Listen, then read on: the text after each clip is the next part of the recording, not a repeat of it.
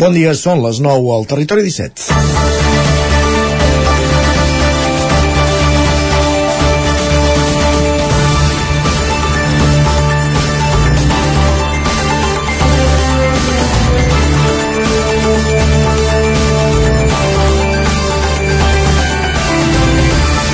Si diu la dita que de tot hi ha la vinya del senyor, al territori 17 no en serem cap excepció. I després de les eleccions de diumenge ens trobem amb alcaldes que s'estrenen, però d'altres que porten 24 anys al càrrec. I ho seran 4 anys més, com és el cas de Jordi Fàbrega de Sant Pere de Torelló, que més té l'habilitat d'aconseguir que no es presenti cap llista alternativa i aconsegueix una de les participacions més elevades, amb el 67% de la població anant a votar i el 90% de suports. També n'hi ha que van ser alcaldes l'any 1979, ho van deixar i ara han volgut tornar-hi. I han aconseguit l'alcaldia per dos de diferència, ergo Jaume Orra a Vilanova de Sau. O un altre que com ell ha tornat i serà decisiu en l'elecció de l'alcalde perquè les altres dues forces han empatat a 4 i ell té 3 regidors. Parlem de Jaume Mas a Callateres. De casos singulars n'hi ha més, però avui al Territori 17 ens fixarem en un, el de Ramon Roquer, de Sant Joan de les Abadesses. Encara el seu cinquè mandat i ha anat guanyant elecció rere elecció sempre davant el mateix rival, el cap de llista d'Esquerra, Sergi Albric. Roquer és, a més, els, dels pocs alcaldes del moviment d'esquerres, el que en el seu moment va ser una decisió del PSC i en molts llocs ha acabat integrant, integrat a Esquerra, excepte Sant Joan, on la rivalitat és màxima. Revalidar quatre vegades la majoria no és senzill i avui ho valorarem amb ell, amb Roquer, a l'entrevista. Serà, però, per motius d'agenda a la segona hora del programa, a partir de dos quarts d'onze del matí. Territori 17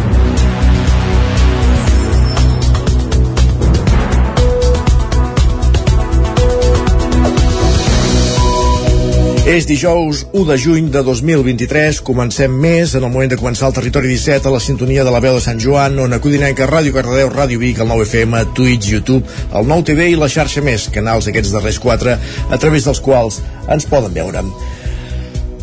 El Territori 17, com dèiem, el magazín d'aquestes comarques, el Vallès Oriental, l'Osona, el Ripollès i el Moianès, que us fa companyia durant dues hores cada matí entre les 9 i les 11 i de seguida us avancem al sumari del dia per explicar-vos de quina manera us farem companyia al llarg d'aquest matí de, juny, de primer de juny, de 1 de juny de 2023. En aquesta primera mitja hora abordarem les notícies més destacades de les nostres comarques, les notícies del territori 17, en connexió amb les diferents emissores que dia a dia fan possible aquest programa. També farem un cop d'ull al cel amb la previsió del temps que ens acosta cada dia en Pep Acosta des d'Ona Codinenca i anirem al quiosc per fer un repàs a les portades dels diaris de, del dia. A partir de dos quarts de deu pugem al tren, a l'R3, a l'E-Trenc d'Alba, pugem amb un tren de la línia R3 la línia Barcelona-Granollers-Vic, Ripoll-Puigcerdà, on l'Isaac Montades recull cada dia les cròniques dels oferts usuaris de la línia ens les porta a l'antena. I acte seguit avui, al lloc de l'entrevista, com dèiem a l'inici del programa, parlarem de cinema. Com cada setmana, amb en Joan Garcia i en Gerard Fosses des de la veu de Sant Joan, repassant les estrenes a la cartellera de la setmana, a les cartelleres dels cinemes de casa nostra i les estrenes de, de la setmana eh, com dèiem, eh, des de la veu de Sant Joan i en aquesta i completarem aquesta primera hora anant a la plaça, l'espai de, no, de Nova Economia que cada setmana ens acosten des de Ràdio Televisió Cardedeu i 11.cat. Notícies a les 10, la previsió del temps i a la Foc Lent anirem fins a Ràdio Televisió Cardedeu on en Pol Grau ens, propa, ens prepara ja una altra proposta per conèixer i, endinsar-nos-hi i a la darrera mitja hora, recta final, a dos quarts d'onze ens endinsem a Twitter amb en Guillem Sánchez, repassant les pilades més destacades de les darreres hores i a l'entrevista, com dèiem, Ramon Roquer, alcalde de Sant Joan de les Abadesses, que revalida la majoria, que revalida l'alcaldia per cinquena vegada. I acabarem el programa fent algunes recomanacions de sèries. Aquest és el menú del Territori 17 d'aquest matí de dijous i ara, quan passen 4 minuts de les 9 del matí, ens posem en dansa repassant les notícies més destacades de les nostres comarques. Les notícies del Territori 17.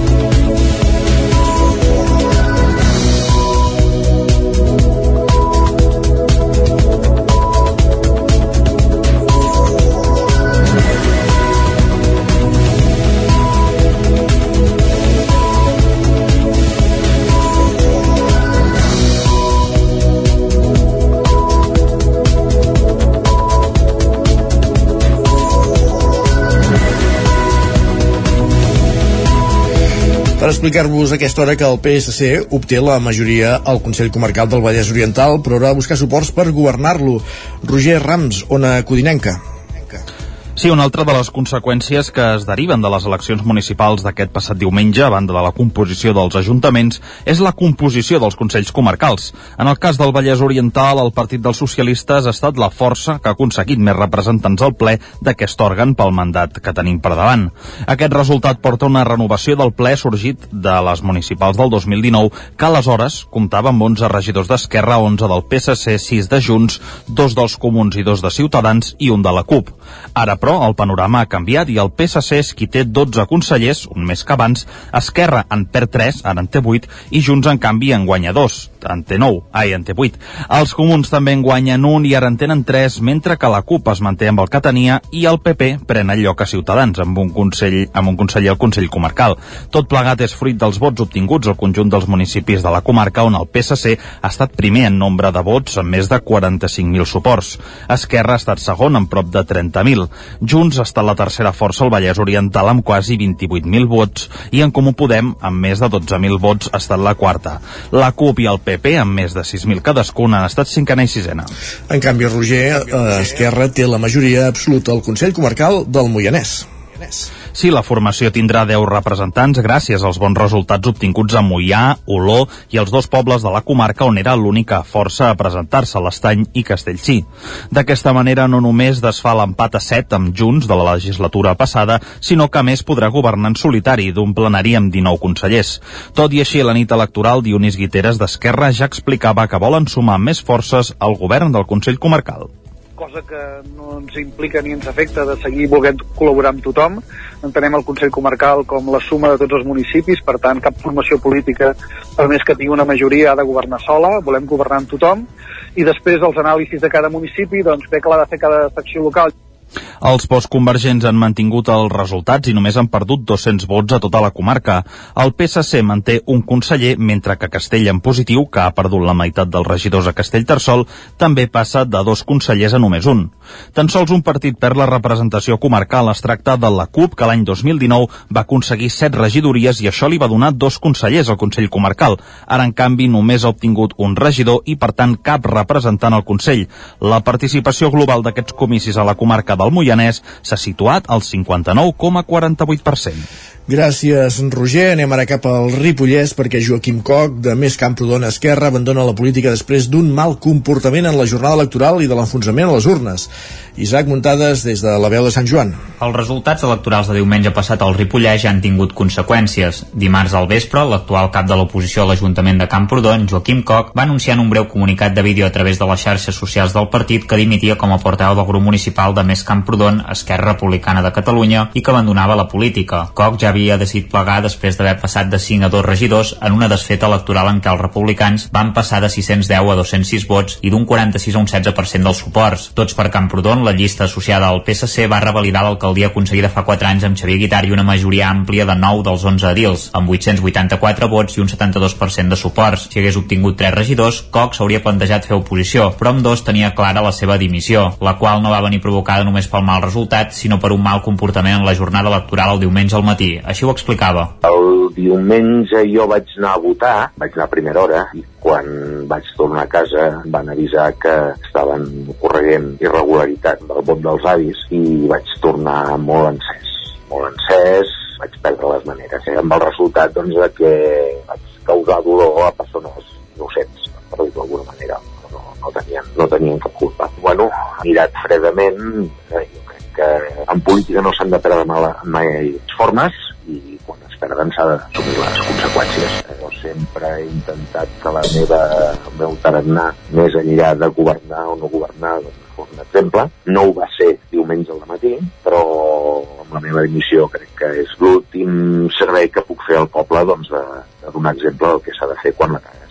En el vídeo, Koch va demanar perdó al poble i s'oferia disculpar-se a les persones afectades cara a cara. Koch ja no s'estirà al ple de tancament del mandat a menys que hi hagués un problema de quòrum i no agafarà l'acte de regidor. Xavier Juncà passarà a ser el cap de l'oposició i Maria Marcela Mendieta entrarà en el seu lloc. Gràcies, Isaac. Deixem enrere el bloc dedicat encara a les eleccions. Les darreres pluges han aportat una certa tranquil·litat respecte a la campanya d'incendis. Tot i així, els serveis d'emergències alerten que per primera vegada els arbres estan perdent les fulles abans de l'estiu a totes les comarques de, a les, totes les comarques centrals. Es preveu una campanya difícil que s'avança i comença avui, 1 de juny, i també s'allarga pel final, fins al 30 de setembre. Sergi Vives.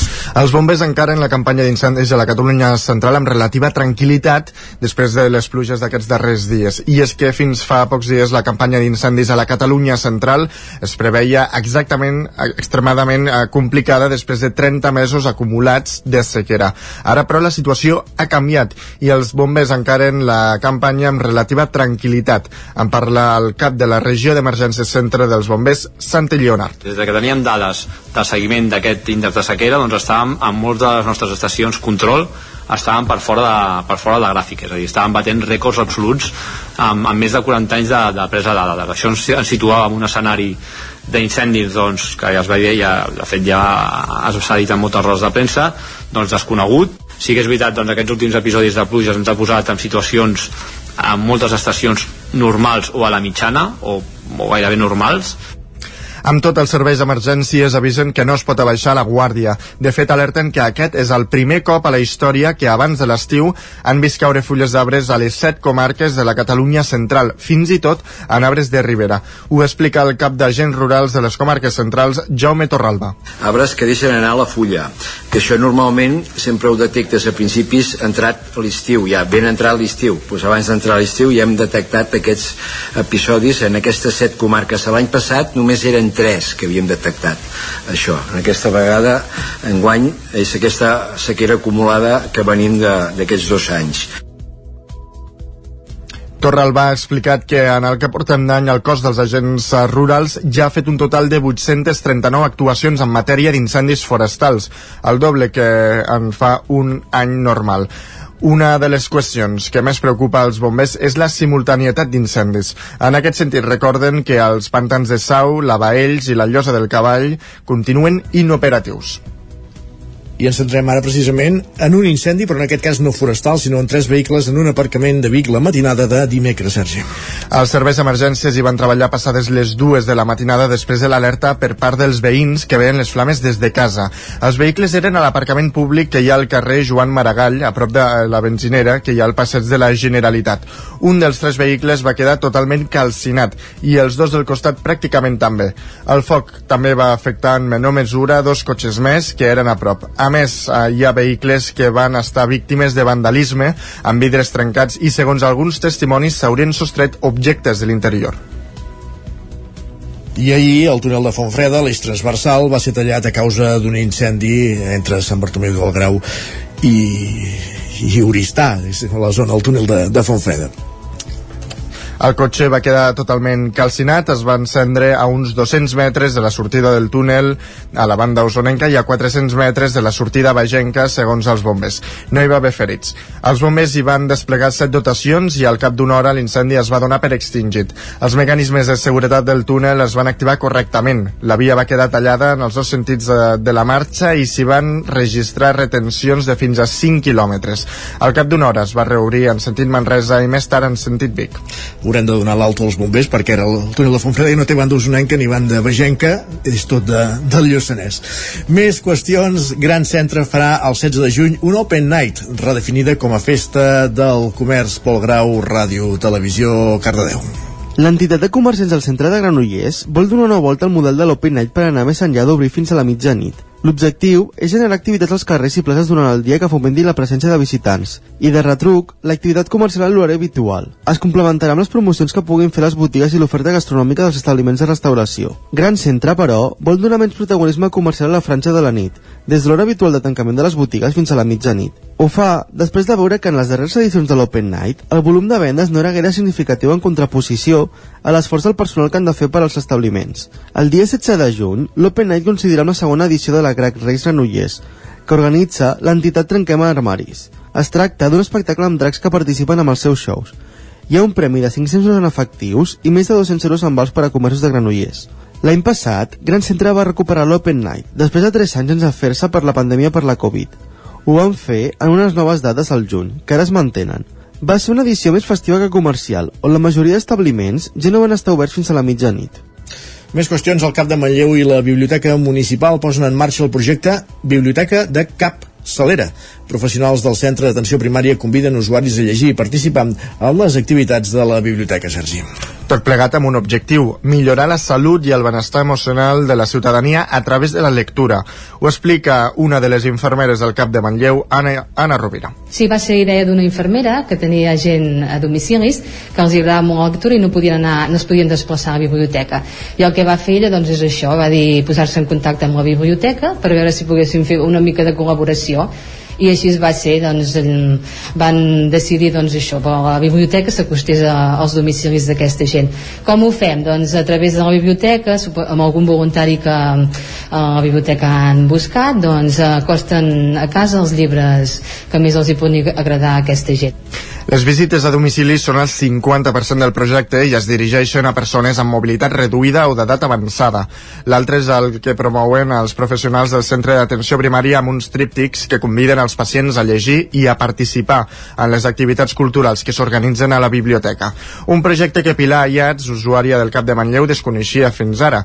Començar a anar a la biblioteca i reprendre l'hàbit de llegir, diu, serà una bona opció per quan faci molta calor o bé molt fred eh, com que vaig caminar cada dia de moment puc doncs mira, però ara jo que sé, com que ve la calor i això també tens de sortir més tard. A lo millor puc anar un rato allà i, i, i quan fa fred igual perquè tampoc llavors vas a caminar tant tot plegat amb l'objectiu de protegir el benestar mental de les persones, millorar-ne l'empatia i oferir un remei clau contra la soledat. Núria Silvestres, la directora de la Biblioteca Municipal de Manlleu. Sobretot el que esperem és donar a conèixer el servei de, de la biblioteca, el servei de lectura pública i que serveixi per millorar el benestar emocional de les persones que viuen aquí a Manlleu. El projecte reprèn ara, però, amb la seva cocció data del 2019, quan es va incloure en el Pla Local de Salut. Llavors, però, l'esclat de la pandèmia va impedir la seva posada en marxa. I més de 90 persones, entre els quals hi ha usuaris del Centre Ocupacional de Manlleu de Sant Tomàs, professionals de l'entitat i voluntaris protagonitzen El vol del petit príncep, una adaptació del conegut llibre que estrenaran el mes de juliol. D'aquests 90 participants hi ha una cinquantena de persones ateses pel servei, més, més els professionals de l'entitat i voluntaris. El projecte ha tirat endavant amb la voluntat de reunir els usuaris del centre ocupacional que està repartit en cinc espais diferents. Ho explica una de les seves educadores, eh, Montse Ropero. I sí que ens vam adonar de que entre les persones poder, ara no es veien tant i no hi havia tanta relació i comunicació vam pensar què podríem fer doncs, per fer alguna cosa conjuntament i, i potenciar la cohesió de, de tot, tot el que és el centre ocupacional. Llavors va sur sorgir la idea de, de muntar un musical, també partint de, de que són persones amb moltes inquietuds artístiques per tirar endavant el musical s'han creat cinc comissions dedicades respectivament al cant, la narració, la dansa, la il·lustració dels dibuixos que es projectaran durant l'obra i el disseny i la confecció del vestuari. En una de les primeres activitats vinculades a la producció es va fer una sortida conjunta a Barcelona per anar a veure l'espectacle El Petit Príncep de la companyia La Perla 29.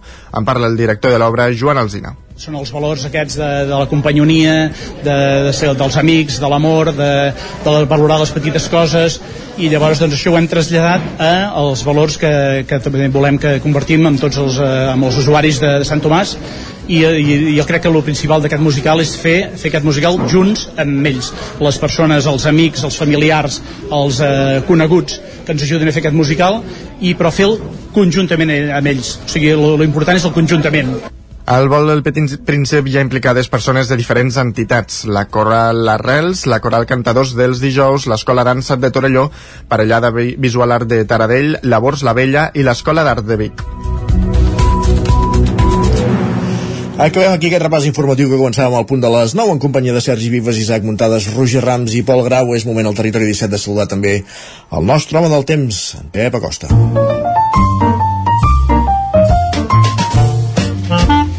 Casa Terradellos us ofereix el temps. Venim, venim de dos dies amb xàfecs a la tarda.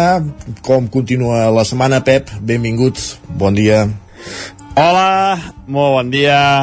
Comencem més, amb mes de juny ja. És el mes amb, amb més hores solars de, de l'any. on hi ha més hores de llum natural de l'any, i ho fem amb aquesta situació novament de xàfecs, de tempestes, de precipitacions, en definitiva.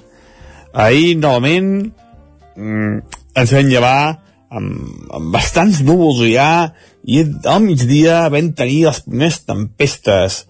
Ahir van afectar Osona, Ripollès, de manera més important, registres superiors als 10 litres a moltes poblacions, entre els 0 i els 10 cap al litoral. I avui ha plogut fins i tot aquesta nit ja. Aquesta nit ja ha plogut, hi ha hagut molts núvols, i això ha fet que les temperatures no baixessin gaire. Uh, moltes mínimes, entre els 13-16 graus cap al peritoral, a l'interior una mica per sota d'aquests valors, i només cap al Pirineu una mica, mica fet, però no gaire. Les pluges aquesta nit eh, hi han voltat els 10-15 litres cap al Pirineu i entre el 0 i el 5 a la resta del territori. Hi ha un servei eh, una, un servei de perill de, del, hi ha un avís de perill perdó del Meteorològic de Catalunya a les totes les comarques per avui eh, probabilitat de xàfecs de més de 20 litres en només 30 minuts. I és que les tempestes ja de bon matí es poden presentar a qualsevol població. Tempestes que localment seran fortes, seran més generals encara que les d'ahir, seran eh, més extenses i més intenses. Avui i demà seran els dies, això, amb més precipitació, amb més, amb, eh, amb més inestabilitat i on es poden acumular més litres. Molt bona notícia, es van acumulant litres a moltes zones i per tant és molt, molt bona notícia. Les temperatures màximes avui, tot i que ja hi ha moltíssimes hores de sol, serà una mica més baixa de temperatura, ja que um, hi haurà molts núvols, ja tenim molts núvols ara durant tot el dia hi haurà molts i molts núvols. Per tant, les màximes, la majoria entre els 20 i els 25 graus. Vents febles, de, de direcció variable, però la majoria eh, vents de, de, de ponent, vents d'oest a est, i és que tenim aquesta, mm, aquesta, aquest anticicló potentíssim al nord d'Europa que va definint el, el temps dels pròxims dies i ens, enviam, ens va enviant aquesta inestabilitat al sud d'Europa degut a aquest bloqueig anticiclònic eh, tan potent que tenim al nord. Moltes gràcies i esperem sumar molts i molts litres avui. Demà farem un resum de tot plegat. Doncs Adéu, un bon dia. Gràcies, Pep. Fins d'aquí una estona anirem sumant litres de, de pluja que, que convé molt, ja ho sabeu. Casa Tarradellas us ha ofert aquest espai. I de veure com baixen litres de pluja, eh, el que fem ara és anar cap al quiosc. Perquè és moment de saber, Sergi, quines són les portades dels diaris del dia, per on comencem el repàs. Doncs va, començar amb el punt avui, que encapçala la portada amb el titular Lluny del front comú. Expliquen que hi ha ponts oberts però pocs avenços entre Junts i Esquerra amb els comuns i la CUP distanciant-se'n. Afegeixen que s'insten a trobar acords programàtics per frenar la desmobilització independentista. Per altra banda, diuen que ja està en marxa el Primavera Sound bicèfal. Diuen que els Pet Shop Boys han obert el Macro Festival, que té 256 concerts i que desembarcarà tot seguit a Madrid. El periòdico diu que la clau successòria agita les llistes del PSOE del 23 de juliol. Expliquen que els moderats de Junts van aconseguir més bon resultat en les municipals. Afegeixen que el PSC tempta Esquerra amb la Diputació perquè les esquerres governin Barcelona. La Vanguardia diu que Feijó admet errors amb Catalunya i la situa com a prioritat. Expliquen que el líder del PP obté aplaudiments dels empresaris per les seves promeses sobre impostos i finançament autonòmic. Per altra banda, diuen que el camí de Trias a l'alcaldia de Barcelona s'aplana. Expliquen que les altres possibilitats de pactes es dilueixen després que el PP i Esquerra hagin descartat fer alcalde el socialista Collboni. Qui ho diu això? Quina portada? La Vanguardia. La Vanguardia. Molt bé. Lara diu que Nadia Calviño i Natalia Mas reivindiquen el cercle al bon rum econòmic. Expliquen que les uh, responsables d'Economia de l'Estat i de la Generalitat rebaten els missatges apocalíptics. Afegeixen que l'intent de Feijo de seduir els catalans protagonitza l'últim dia de les jornades empresarials. Per altra banda, diuen que la Terra és cada vegada menys segura per als humans. Expliquen que un nou estudi científic publicat a la revista Nature avisa que ja hem, hem excedit sis dels vuit límits ambientals que fan del nostre planeta un lloc segur per viure-hi. I anem a repassar a premsa espanyola. El país diu que Sánchez equipara a la dreta espanyola amb el trumpisme. Expliquen que el president diu als seus parlamentaris de parar aquesta onada reaccionària. Per altra banda, diuen que PP i Vox veten els experts crítics en el debat de la llei de Doñana. Expliquen que el Parlament andalús bloqueja els científics vinculats al parc. L'ABC diu que Sánchez ja és Podem, expliquen que el president es va entregar ahir en un codi, de en un codi discursiu amb els models institu institucionals propis d'un partit de govern en una democràcia liberal. I el Podem encara no ho saben, que han fet un fitxatge nou, per tant. No, no, diu, els, els ha dit avui. No, no, diu, mira, afegeixen que la seva gestualitat, paraules i estratègia resulten ja indistingibles de Pablo Iglesias. Caram. Carai. El sanchisme, ja en deien el sanchisme d'això, no? Sí, sí, sí, sí. Um, Sanchisme i... bolivariano. I seguint amb el fil d'aquest discurs, el Mundo diu que Sánchez radicalitza el PSOE davant el desert que deixa Podem. Expliquen que carga contra els mitjans qui els acusa de començar una campanya d'insults. I acabem amb això. Per altra banda, el Mundo diu que el PP busca a Extremadura el primer pacte amb Vox fixant les seves línies vermelles. Expliquen que Maria Guardiola, que defensa els drets LGTBI i l'avortament, necessita l'aval dels d'Abascal. Mare de Déu senyor, com està el panorama. Uh, fem un repàs ràpid també als digitals, a l'edició d'Osona i el Ripollès del 99.cat.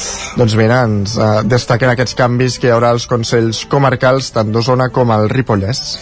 I a l'edició del Vallès Oriental?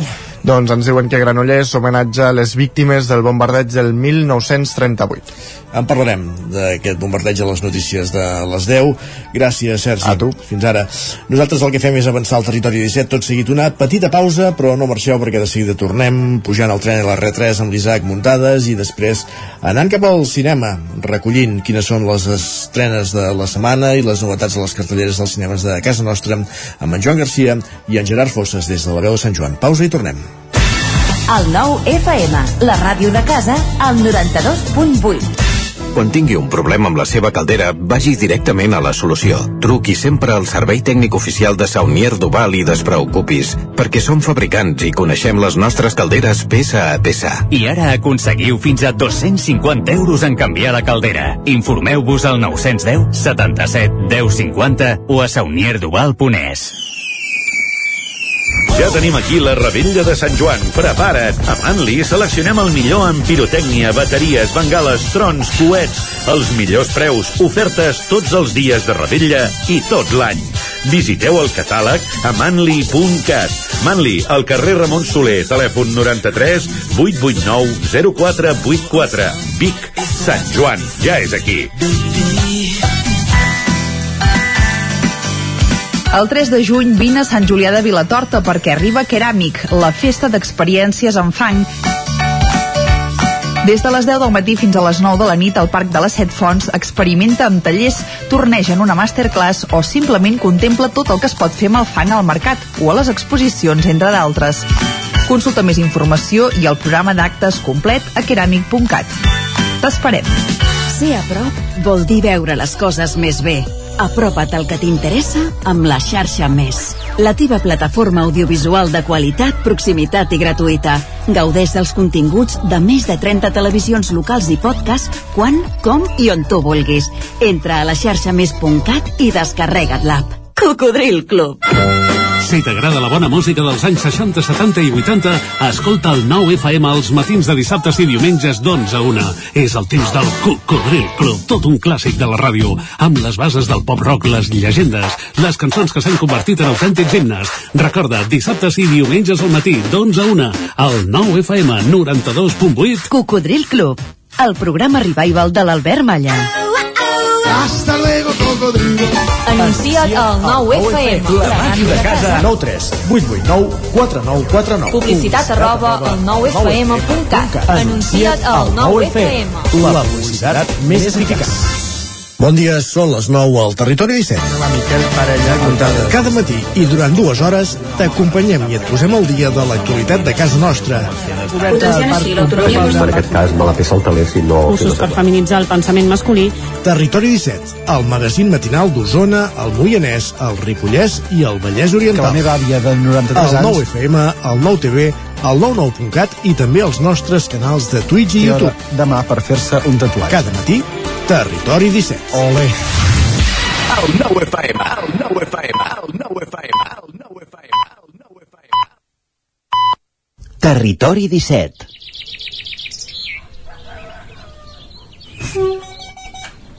A Tren d'Alba. Cada dia els usuaris i usuàries de la línia R3 de Rodalies que veuen sortir el sol des d'un vagó ens expliquen les gràcies i les penes del primer comboi que uneix Ripoll i Barcelona o les feixugues jornades amb el tren després de treballar. Benvinguts a Tren d'Alba. Doncs bones notícies perquè Renfe ha licitat les obres de construcció de la futura base de manteniment a l'estació de Ripoll, amb noves instal·lacions de manteniment i reparació de trens. La inversió prevista per a la construcció del taller és de 17 milions d'euros, amb l'IVA inclòs, i forma part del projecte del Pla de Tallers de Renfe. Durant el segon semestre de l'any 2024 es pretén disposar de la nova base de manteniment de Ripoll per prestar el servei de manteniment als trens que circulin per la línia R3 de Rodalies de Catalunya. Amb la construcció de la nova base de manteniment de Ripoll es permetrà dur a terme reparacions i revisions de curt abast als trens sense necessitat de retorn a la seva base principal, reduint així les incidències del servei de Rodalies de Catalunya i també els temps d'entrada i sortida dels vehicles al taller. Aquest nou taller també disposarà de dos llocs de manteniment per a unitats de 200 metres i quatre vies operatives de taller que oferiran 8 llocs d'estacionament a 100 metres. D'altra banda, el projecte contempla la modificació i el nou enclavament electrònic de l'actual estació de Ripoll per a integrar i automatitzar els accessos a la nova base de manteniment i les seves vies operatives. Va, ens retrobem dilluns amb més històries del tren i de la R3. Territori 17, el 9 FM, la veu de Sant Joan, Ona Codinenca, Ràdio Cardedeu, Territori 17. Dilluns, més històries del tren i de la R3 amb l'Isaac Muntades i el que fem és anar cap al cinema. Amb en Joan Garcia i en Gerard Fosses, des de la veu de Sant Joan, repassant les estrenes de la setmana i les novetats de les cartelleres de casa nostra. I una setmana més, moment de parlar de cinema, de fer-ho com sempre amb en Gerard Fosses, que ja tenim amb nosaltres. Hola Gerard. Hola, què tal? Avui hem d'anar una mica rapidet perquè hi ha una, una entrevista política i no es podia fer una altra hora i O, o Pedro Sánchez, aquí. no, no, no, eh, però no, no, no, no hi ha tant de nivell però si vols pots, pots marcar-te en Juana Dolores i ara i rajar de tot De, de la premsa burgesa. i de la premsa lo, local burgesa. Clar, completament. de- Donant veu al, feixisme, jo què sé. És que no sé qui ve, eh? Vull dir, potser... no, no, eh, em sembla que és l'alcalde de Sant Joan per cert uh, ah, però, vale, així, així no, no... No és l'alcaldessa de Ripoll, no? Uh, no, no, no, no, no, no, no. Vale. Uh, no, no, però com que ella es va enfadar perquè li van canviar l'hora, doncs mira, he pensat que tu que te l'escurcem també et podries queixar. Uh, va, anem, anem, anem rapidets, que a més a més aquesta setmana ja millora alguna cosa, eh, el que teníem la setmana Sí. passada, eh? Que aquesta setmana ve bastant carregada i, i bé, la veritat. Mhm. Uh, torna al cinema de superherois, però, però aquest cop amb, amb qualitat alta i bé, la primera estrena que- de la qual parlarem és Spider-Man creuant el multivers. A veces, para hacer lo correcto, debemos renunciar a lo que más queremos. Todos los días me despierto sabiendo que cuanta más gente intente salvar, más enemigos me crearé. Podré demostrar lo que valgo. Cualquiera puede llevar la máscara. Pero lo importante es cómo la lleves. Molt bé, uh, t'he t'he de dir que la, que la primera d'aquesta d'aquesta saga de Spider-Man és una, és una pel·lícula així de- d'animació eh, és de les millors pel·lícules de superherois que he vist en els últims anys Bueno, I de les millors pel·lícules en general, probablement, perquè realment és, és un autèntic eh, prodigi. I aquí seguim en la línia. De fet, aquesta ve amb, amb la vitola de ser el rècord de la pel·lícula més llarga d'animació que s'ha fet mai, dura dues hores i vint. Uh, no ens salvem d'aquestes duracions ja ni, ni amb el cinema i, i segueix el, una línia que, que ja tenia la primera part que si no l'heu vist ja podeu córrer a veure-la a Netflix us agradi o no Spider-Man uh -huh. I, i bé, aquesta és, és com una ampliació d'aquest univers és com tot, eh, bueno, una mica la norma de la seqüela no? tot més i més gran però en aquest cas fet amb, amb molt de gust i molt de sentit Um, és un film que involucra a molts Spidermans, tot i que segueix aquest protagonista que és uh, aquest Spiderman negre, Miles Morales, i que explora tot un univers que, doncs, que està ple de, de Spidermans, no? I, I és molt interessant el, el concepte d'aquesta pel·lícula perquè directament és una obra artística pràcticament pictòrica en cada pla que fan. Uh, és molt més exagerat aquest tema que fan de, de barrejar textures amb diferents estils d'animació estils de dibuix, etc que, que queda tot allà barrejat d'una manera molt orgànica i molt natural i a més a més ja agafant com una filosofia meta que diguem que és, que és el llenguatge que parla del, del propi llenguatge i és com una revisió de què ha significat Spider-Man al llarg de la història no? que sempre ha estat aquest heroi um, sacrificat, sofridor uh, també molt, molt pròxim a, a la gent no? com el, el veí preferit de, de, ara no me'n recordaré de, de Queens, em sembla que és mm -hmm. I, i bé, doncs agafa doncs, doncs, tot aquest pòsit cultural al voltant de Spider-Man i, el, i el converteix doncs, en una història um, d'aventures però que parla molt d'aquest recorregut no? de, de la pèrdua, del sacrifici i eh, com això ha afectat doncs, al llarg de la història, com influeix, com inspira i diguem, tot això traslladat a, a la pura tècnica pictòrica d'animació. És, és d'aquells films que, que et quedes com molt meravellat veient cada pla la quantitat d'informació que conté. És allò que, que si per gust doncs posaries pausa cada, cada 3 o 4 segons que òbviament no és la millor manera de, de veure una pel·lícula. I, i que agafa tota la tradició històrica de Spider-Man tant al còmic com, com al cinema. De fet aquest tràiler ja, ja ensenya una mica imatges de, de pel·lícules que s'han fet de Spider-Man en imatge real una mica com la idea o el concepte que va tenir a uh, l'última pel·lícula de, de Spider-Man, aquest No Way Home, aquesta que va fer Marvel, però aquesta vegada fet ben fet. Mm -hmm. I a més fa gràcia perquè hi ha una referència a aquell meme que és tan conegut de Spider-Man que n'hi han tres que són iguals, no? Perquè sí. hi han dos que estan disfressats eh, i s'assenyalen volent dir qui, qui, quin és el de veritat. I justament han, han fet paròdia, han fet una broma d'això, eh? Sí, exacte, exacte. Mm, molt bé. Uh, I per cert que el tràiler ja ens deixa veure que, que aquí hi ha tants, hi ha tants Spidermans que el dolent és un Spiderman, no? Entenc. Sí, efectivament. És, és una mica aquesta idea de, de bueno, a quin, a quin moment et converteixes en dolent, no? aquella, aquella idea del, del gran poder que, que comporta una gran responsabilitat, els sacrificis que ha de fer l'heroi i òbviament doncs, el, el pes de la màscara no? que és aquesta idea que Spider-Man podria ser qualsevol perquè és una persona quotidiana uh, però alhora uh, el fet de ser doncs t'implica doncs, una sèrie de, de sacrificis personals. Molt bé.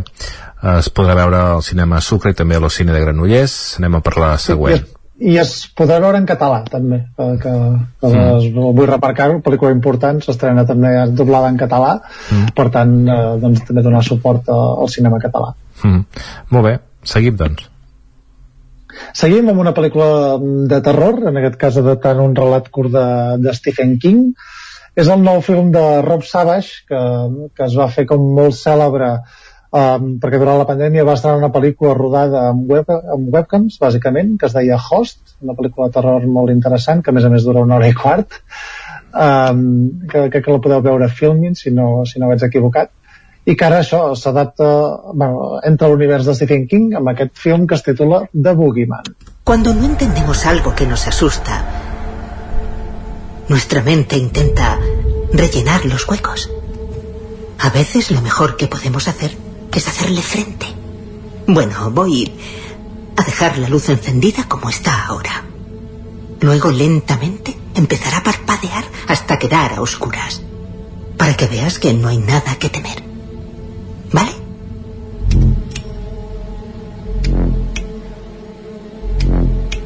¿Ves a que no da miedo? Solo tú, tu hermana y yo. Doncs a mi sí que me'n fa de por, eh?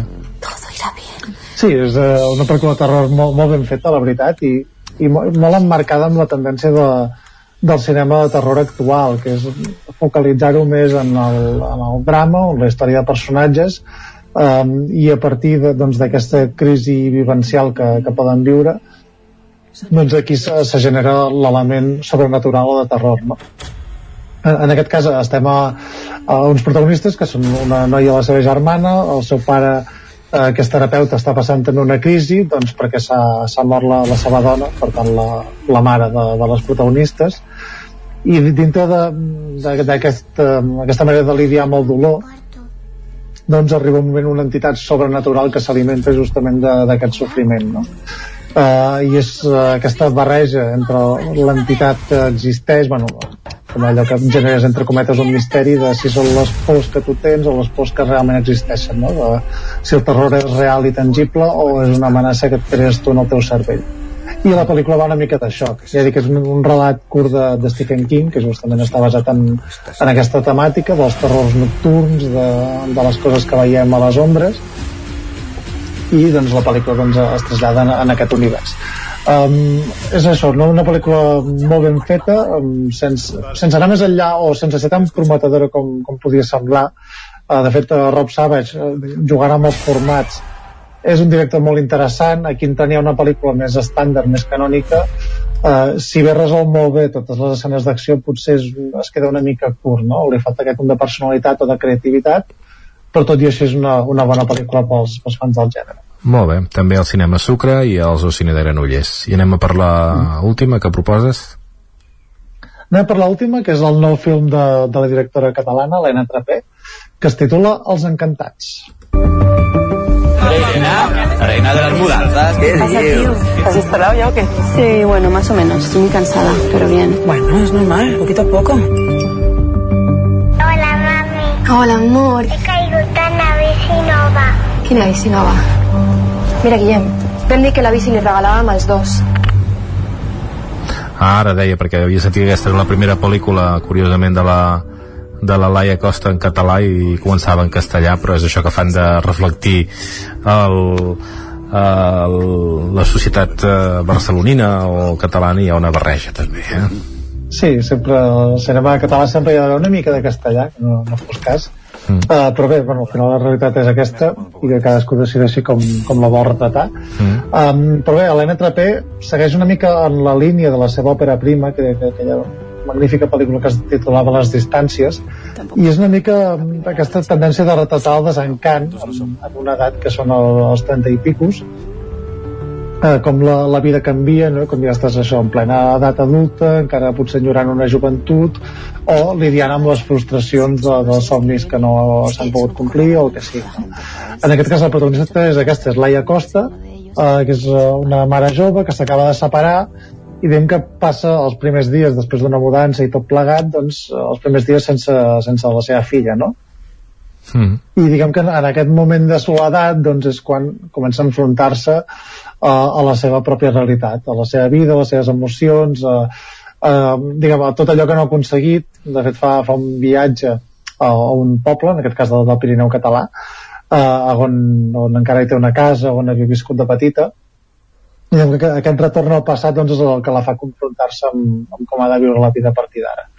Uh, és això, sobretot una pel·lícula molt ben interpretada. Laia Costa amb aquests papers així tan quotidians. Sempre funciona molt bé i transmet molta veritat. I, i, i ben escrita també amb, amb, amb les seves aspereses amb, amb aquest punt crític, amb aquests clarobscurs també a l'hora de matitzar les emocions i, i el fet que no sigui una pel·lícula planera o d'idees molt clares doncs també ajuda molt a empatitzar-hi i, i també entrar en, un territori doncs, que és molt més gris i molt més complex no? i això en aquest cas Helena Trapé tal com ho feia amb l'amistat a, les, a les distàncies en aquest cas ho fa amb, a nivell més personal i a nivell de, de relacions hem començat eh, dient això, eh, que la pel·lícula hi havia una miqueta de castellà al principi, no sé la pel·lícula però potser el debat hauria de ser que perquè aquesta pel·lícula, tota aquesta presentació que tu has fet i amb, i amb l'actriu només es pot veure el sucre i no hi és també el Zocine, per exemple. Aquest és un debat sí. molt, molt més interessant que no pas si es parla una mica de castellà o no. Eh? Sí, i, i a veure quin, també, quin serà també el recorregut de, de la pel·lícula, no? Sempre sembla que el cinema català, o fins i tot ja ho extrapolo al cinema espanyol, doncs interessa menys, eh, hi ha menys tendència a fer-lo córrer i sí que surten fenòmens això com les Cinco Lobitos, també amb Laia Costa, el Carràs, Suro, algunes d'aquestes, però pel·lícules que són la mar de vàlides i de bones doncs tenen una mica menys de, de recorregut. Uh, no sé si serà un incentiu pels oients, però aquesta pel·lícula va guanyar també com a millor guió al Festival de Màlaga, celebrat aquest any. Mm. Per tant, hi ha unes garanties de, de molt bon film. Molt a part de la Costa també tenim Daniel Pérez, Pep Cruz, Aina Clotet, vull dir que hi ha un repertori interessant. Si et sembla ara fem un repàs de la cartellera perquè no tenim més temps, ja el faig jo directament perquè moltes doncs ja, mm. o la majoria ja les hem explicat, les hem comentat altres setmanes. El cinema Comtal de Ripoll, Fast and Furious 10 i Book Club, el Casal Camprodoní, Les Ocho Montañas, el cinema Catalunya de Ribes, Possession Infernal el Despertar, el remake, a l'Esbarjo de Cardedeu, de Lost King, a l'Alter de Torelló fan Falling, eh, de, diri, dirigida i, i, i també com a intèrpret amb Viggo Mortensen, aquí vam entrevistar justament quan es va estrenar l'any 2020. Eh, vam fer una entrevista amb Viggo Mortensen i és un dels nostres hits, eh? Sí, sí, sens dubte. I a més, va ser una entrevista llarga que no sí, poden sí. dir-ho altres mitjans. Eh? Va, ser, va ser una teràpia, realment va, va fer teràpia. Eh? Sí. Vam parlar sí, sí. de tot, de Trump, que... de i potser encara no, ell, ell, ell, encara. ell, ell potser encara no ha penjat igual encara ens està explicant coses sí. uh, el cinema L'Ambra de la Garriga Frida Kahlo uh, Fast and Furious 10 uh, la, siren, la Sireneta 20.000 espècies de 20.000 espècies d'abejas i aquesta última, quin és Libres? Sí. I aquesta última és Libres, una pel·lícula espanyola documental, bastant conceptual també de, de Santos Blanco. I el Cineclub de Vic, Take Shelter.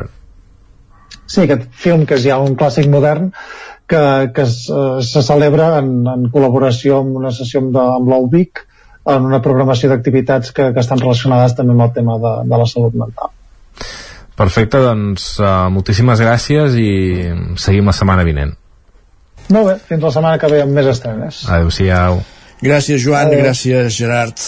Parlem la setmana vinent. Territori, Territori 17. 17. Territori 17.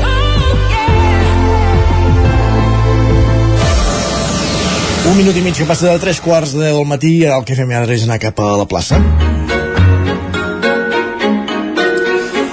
A l'espai de Nova Economia que cada setmana ens acosta la Maria López des de Ràdio Televisió Cardeu en companyia d'11.cat. Avui parlem de centres d'estètica. Maria, benvinguda, bon dia. Bon dia i benvinguts una setmana més aquí a la plaça, la secció de Territori 17, on parlem de la nova economia i la traduïm a l'idioma d'aquí, de la plaça, el que ens permet comunicar-nos i entendre'ns a totes i a tots. I avui volem parlar d'emprenedoria, però també d'estètica. No sé si sóc l'única que ja fa setmanes que nota l'època dels casaments i els models estupendos cada cop que miro les històries d'Instagram. Així que avui volem saber fins a quin punt són presumits i presumides els catalans i catalanes. I ens endinsarem en el negoci dels salons d'estètica i les perruqueries. Què ens gastem de mitja quan anem a la pelo o al centre d'estètica? En què ens gastem exactament els diners? Ens agrada posar-nos guapes i guapos als catalans? I per parlar també de la butxaca i de com la toquem quan ens toca mudar-nos, avui a la plaça contem amb l'Ester Vallès. Ella és cofundadora i directora creativa del Mirall Blau de Sitges. Bon dia, Ester. Bon dia. Bon dia, bon dia. I contem eh, també una setmana més amb la Gemma Vallet. Ella és directora d'11 Edició. Bon dia, Gemma.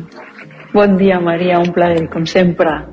Doncs som-hi perquè anem a veure això, hem de valorar com ens agrada mudar-nos als catalans i catalanes i si parlem en xifres sobre en què ens gastem exactament els diners quan anem a la perruqueria. Tenim doncs, xifres uh, prou interessants. He vist que tenim aquí una mitja de 250 euros a l'any que ens gastem en general en productes de cosmètica i que som el país que està com a, a, a nivell internacional en, en cinquè lloc. Eh, Esther, la Gemma ens deia 250 de mitja, no sé si a tu et quadra amb l'experiència que tens. És més o menys això el que ens venim gastant? Jo crec que ens gastem una miqueta més perquè cada vegada som més conscients de la qualitat que ens hem de posar a, a la pell perquè per la pell absorbim absorbim ingredients que ens beneficien a nivells físics i anímics i de l'estat nerviós i de totes maneres. Llavors, jo crec que cada vegada som més conscients de que ens hem de posar coses de qualitat i, i això... Mm, té un preu.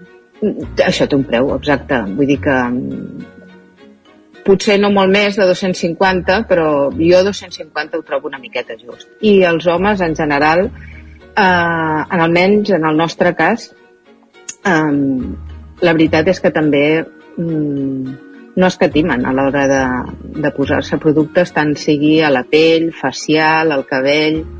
Hi ha una consciència de la bellesa saludable cada vegada, cada vegada més. Aquesta, aquest, aquest canvi, fins a quin punt va lligat també a productes, ara doncs parlàvem això, no? parlàvem de qualitat, però quan parlem d'aquesta qualitat, són productes que van lligats també d'alguna manera a un producte més natural, potser, o menys artificial?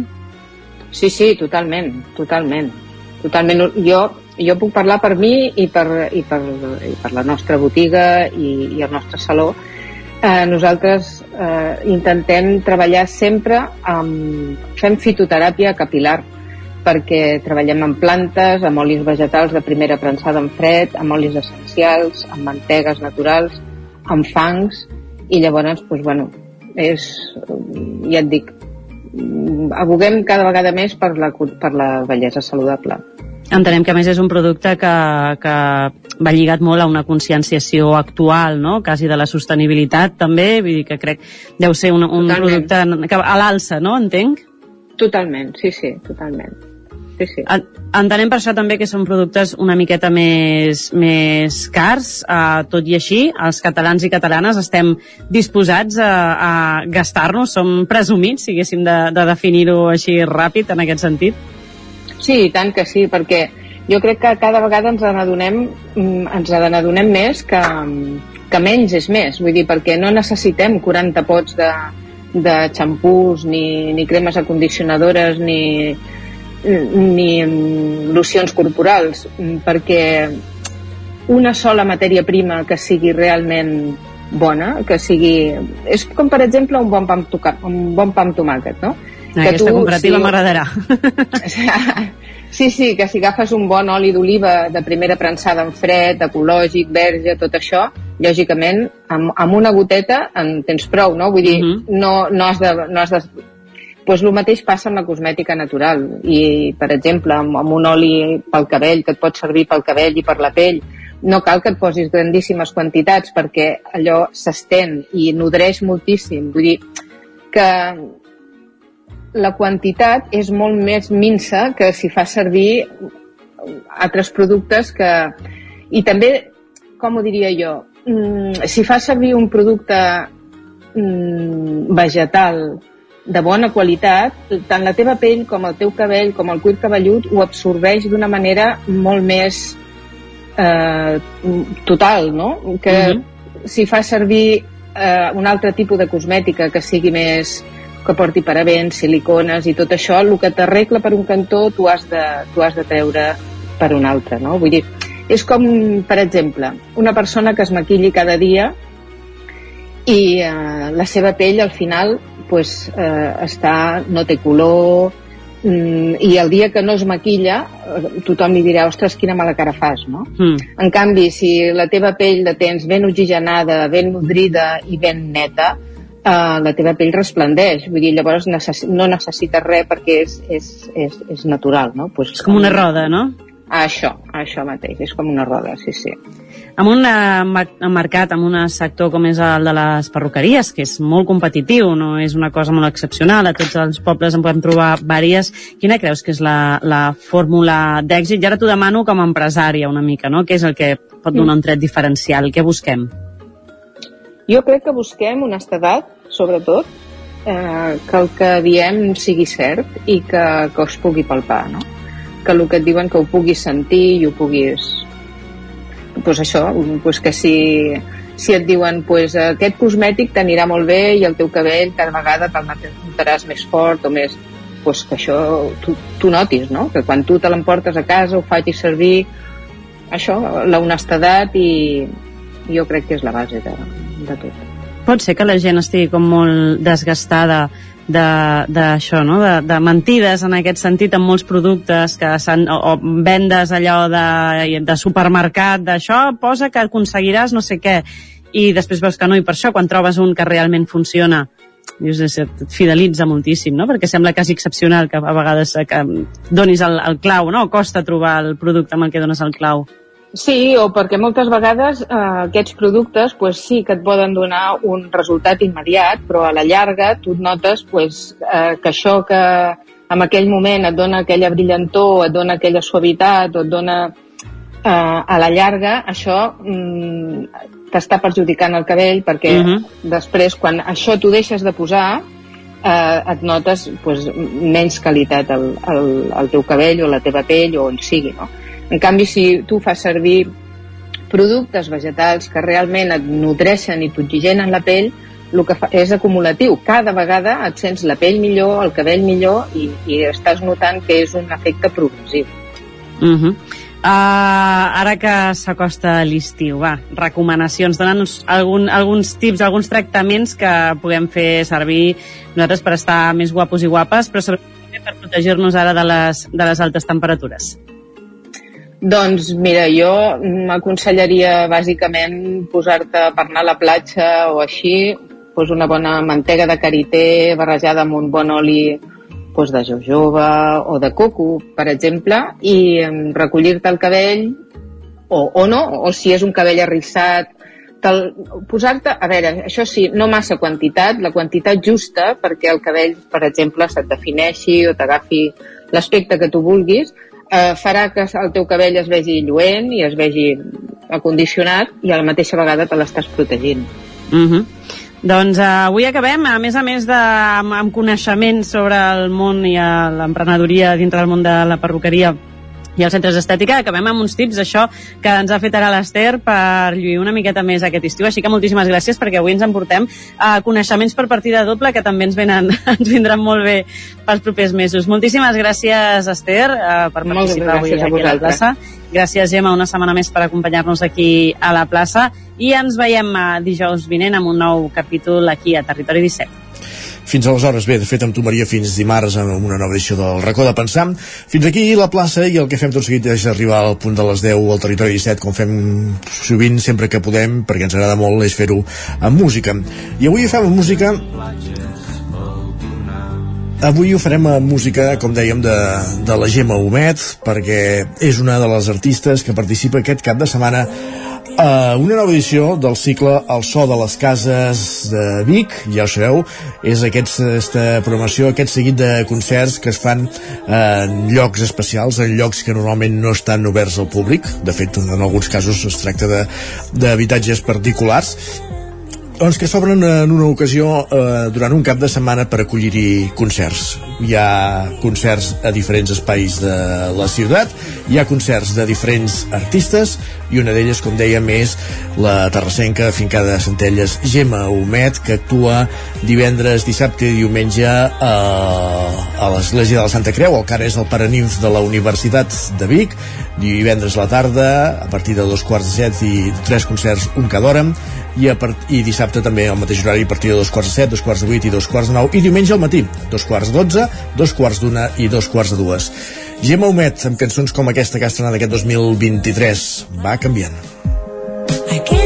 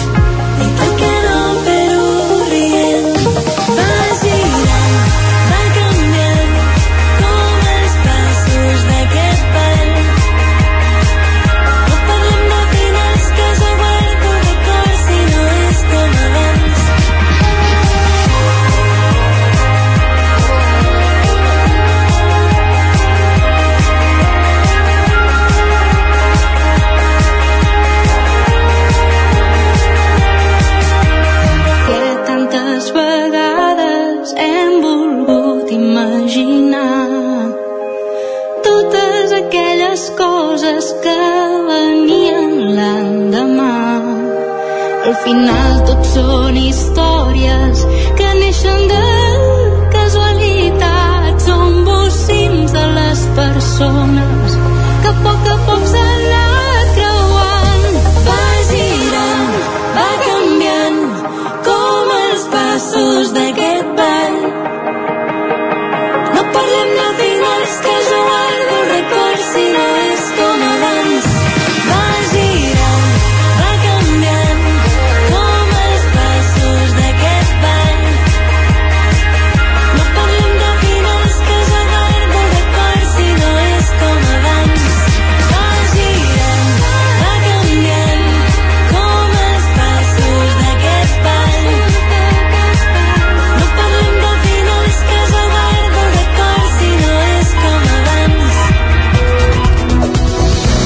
Al territori 17, com dèiem, d'actualitzar-nos, de posar-nos al dia amb les notícies més destacades de les nostres comarques, el Vallès Oriental, l'Osona, el Ripollès, el Moianès i el Lluçanès, i ho fem en connexió amb les diferents emissores que dia a dia fan possible aquest programa.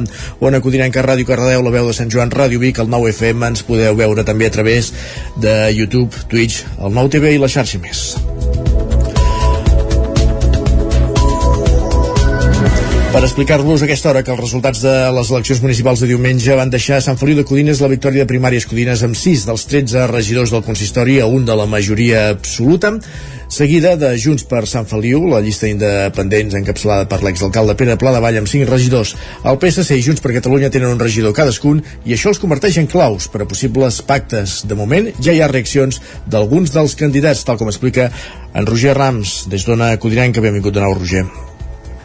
Bon dia, sí, Pere Pladevall, cap de llista de Junts per Sant Feliu de Codines, segona força a les eleccions d'aquest diumenge, considera que els resultats han estat polaritzats i que l'electorat ha votat de manera majoritària dues opcions, que són també dues maneres diferents de fer política. La seva formació ha obtingut, doncs, cinc regidors, un menys que a primàries, la formació guanyadora. Pladevall destaca que en els dos casos es tracta de partits municipals que han superat els 1.000 vots i que, en canvi, la resta de partits ronden només els 200. Junts per Sant Feliu, que s'ha reunit aquest dimarts al vespre per valorar els resultats, treu la conclusió que la ciutadania vol que els partits negociïn. Escoltem Pere Pladevall.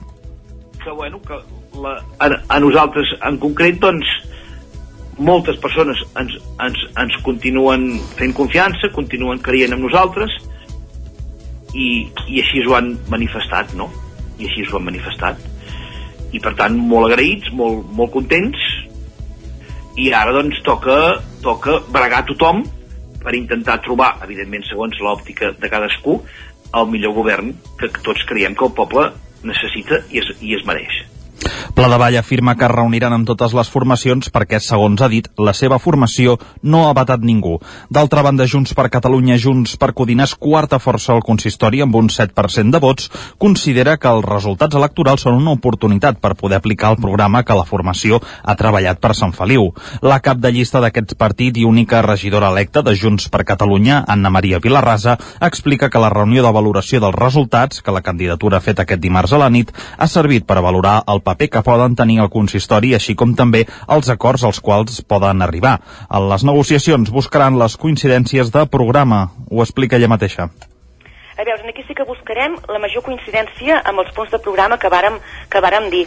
Aleshores és valorar els programes que hi ha sobre la taula el que ens hi acostem més i pensem que això és factible. I també t'he de dir que serem fidels a el que vàrem dir durant tota la campanya electoral. El discurs que vàrem fer durant tota la campanya electoral serem fidels en aquí. En el debat final de campanya, Vilarrasa va dir que la seva formació no pactaria amb la persona que els havia denunciat en dues ocasions per evitar que la seva candidatura es formalitzés i es poguessin presentar a les eleccions, per a Pla de Vall. Tot i això, creu que és el moment d'escoltar a totes les formacions. Doncs anirem seguint eh, els pactes que es puguin produir tant a Sant Feliu de Codines com a la resta de municipis on no ha quedat resolt eh, el futur del consistori després de les eleccions de, de diumenge. Per exemple, Albert Coma d'Esquerra dona el tom a Sant Pau de Segúries i David Vergi obté una majoria absolutíssima a Planoles. En aquests casos sí que ja està resolt. Isaac Muntades des de la veu de Sant Joan.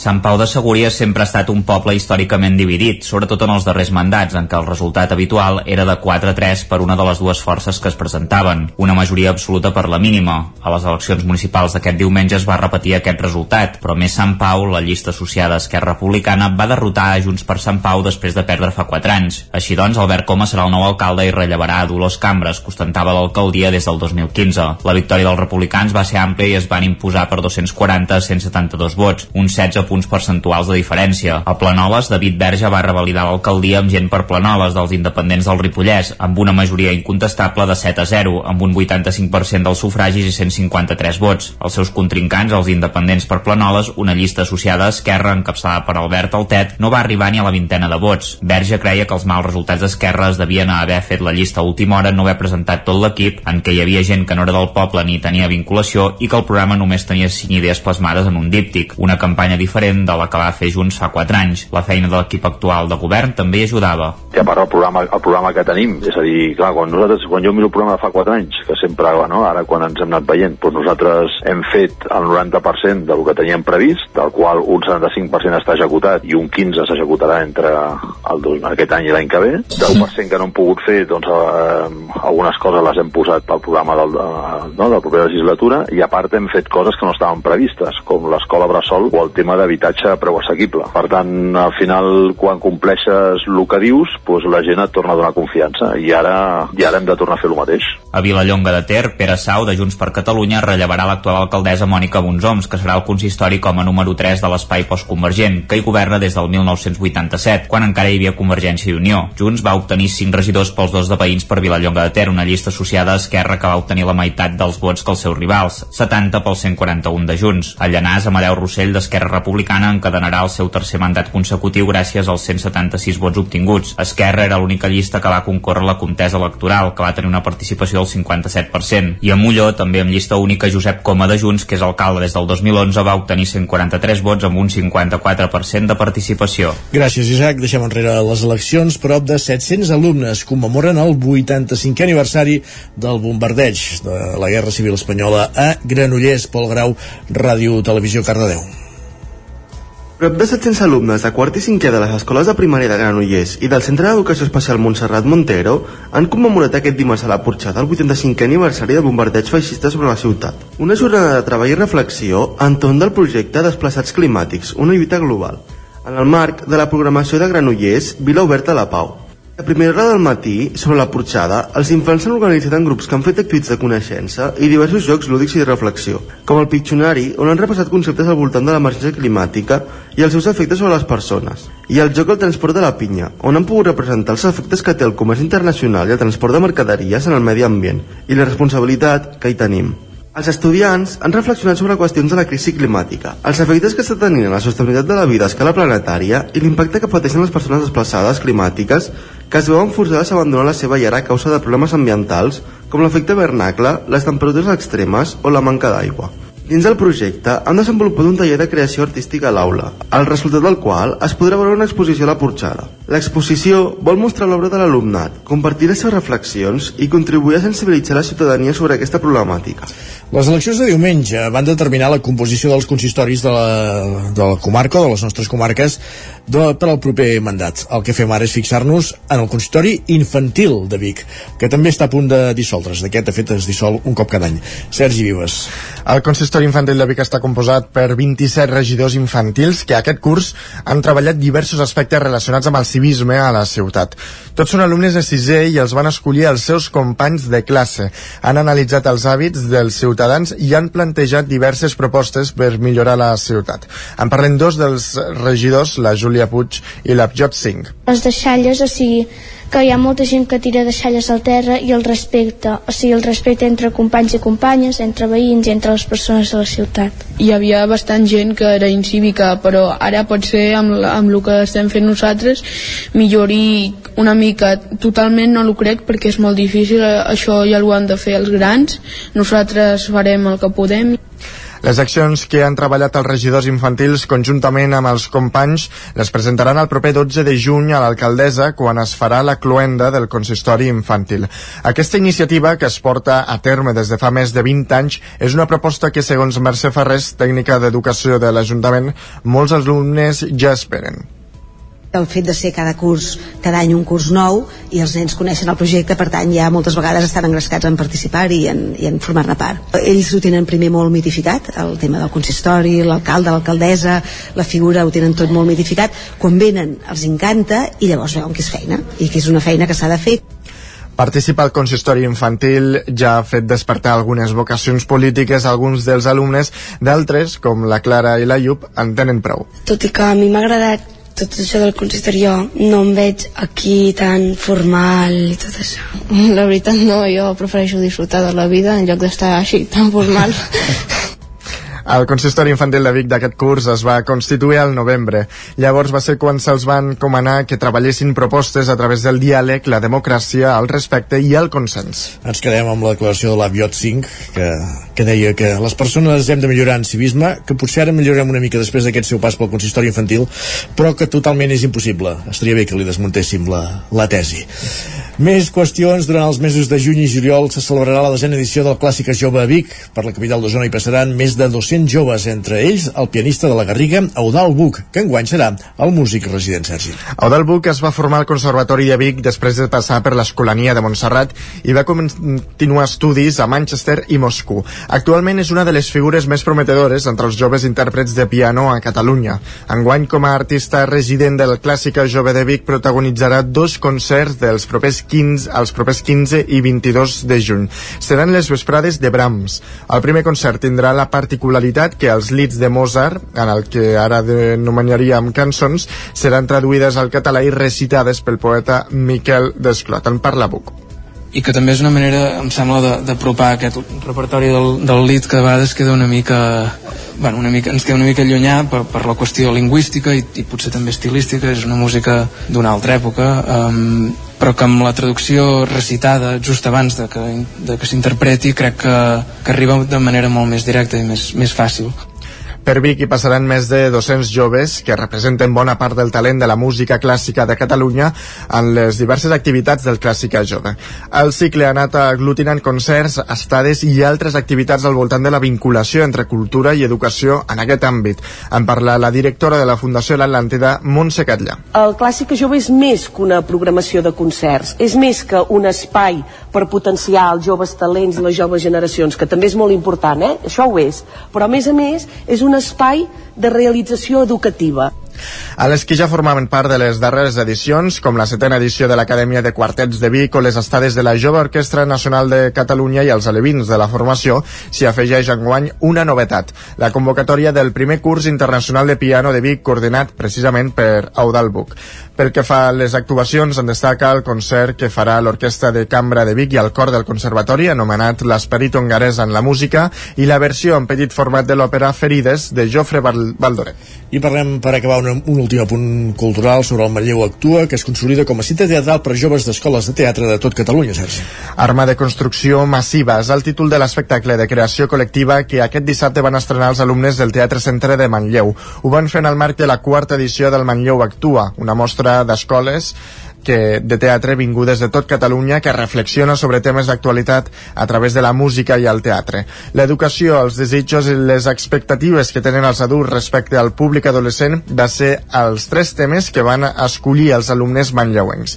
El seu director, Joan Roura, parlava del Manlleu Actua com a una proposta ja consolidada. I bé, estem molt contents perquè perquè s'ha consolidat, considerem que s'ha consolidat. Durant aquests anys, si comptabilitzem les escoles que han passat, de nhi i una de les dels nostres, un dels nostres objectius bàsicament no és, no és eh, que vinguin les escoles a mostrar el seu treball, sinó que també sigui un, que es puguin barrejar entre ells, que, que hi hagi una, una sinergia entre, entre diferents escoles, que sigui una trobada bàsicament més que, més que una mostra. La jornada va comptar amb una vuitantena d'alumnes de Girona, Piera i Sant Boi de Llobregat i va desplegar-se entre l'Espai Rossinyol i el Teatre Centre.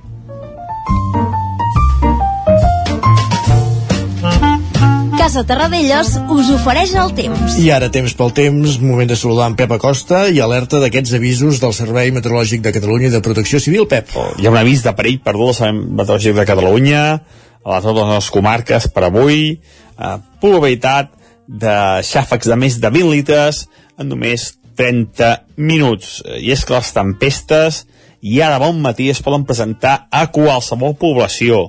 Tempestes que localment seran fortes, eh, seran més generals encara que les d'ahir, seran eh, més extenses i més intenses. Avui i demà seran els dies, això, amb més precipitació, amb més, amb, eh, amb més inestabilitat i on es poden acumular més litres. Molt bona notícia, es van acumulant litres a moltes zones i per tant és molt, molt bona notícia.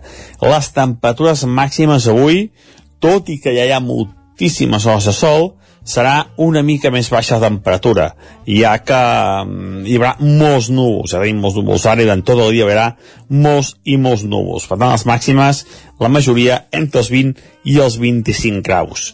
Vents febles, de, de direcció variable, però la majoria eh, vents de, de, de ponent, vents d'oest a est, i és que tenim aquesta, mm, aquesta, aquest anticicló potentíssim al nord d'Europa que va definint el, el temps dels pròxims dies i ens, enviem, ens va enviant aquesta inestabilitat al sud d'Europa degut a aquest bloqueig anticiclònic eh, tan potent que tenim al nord.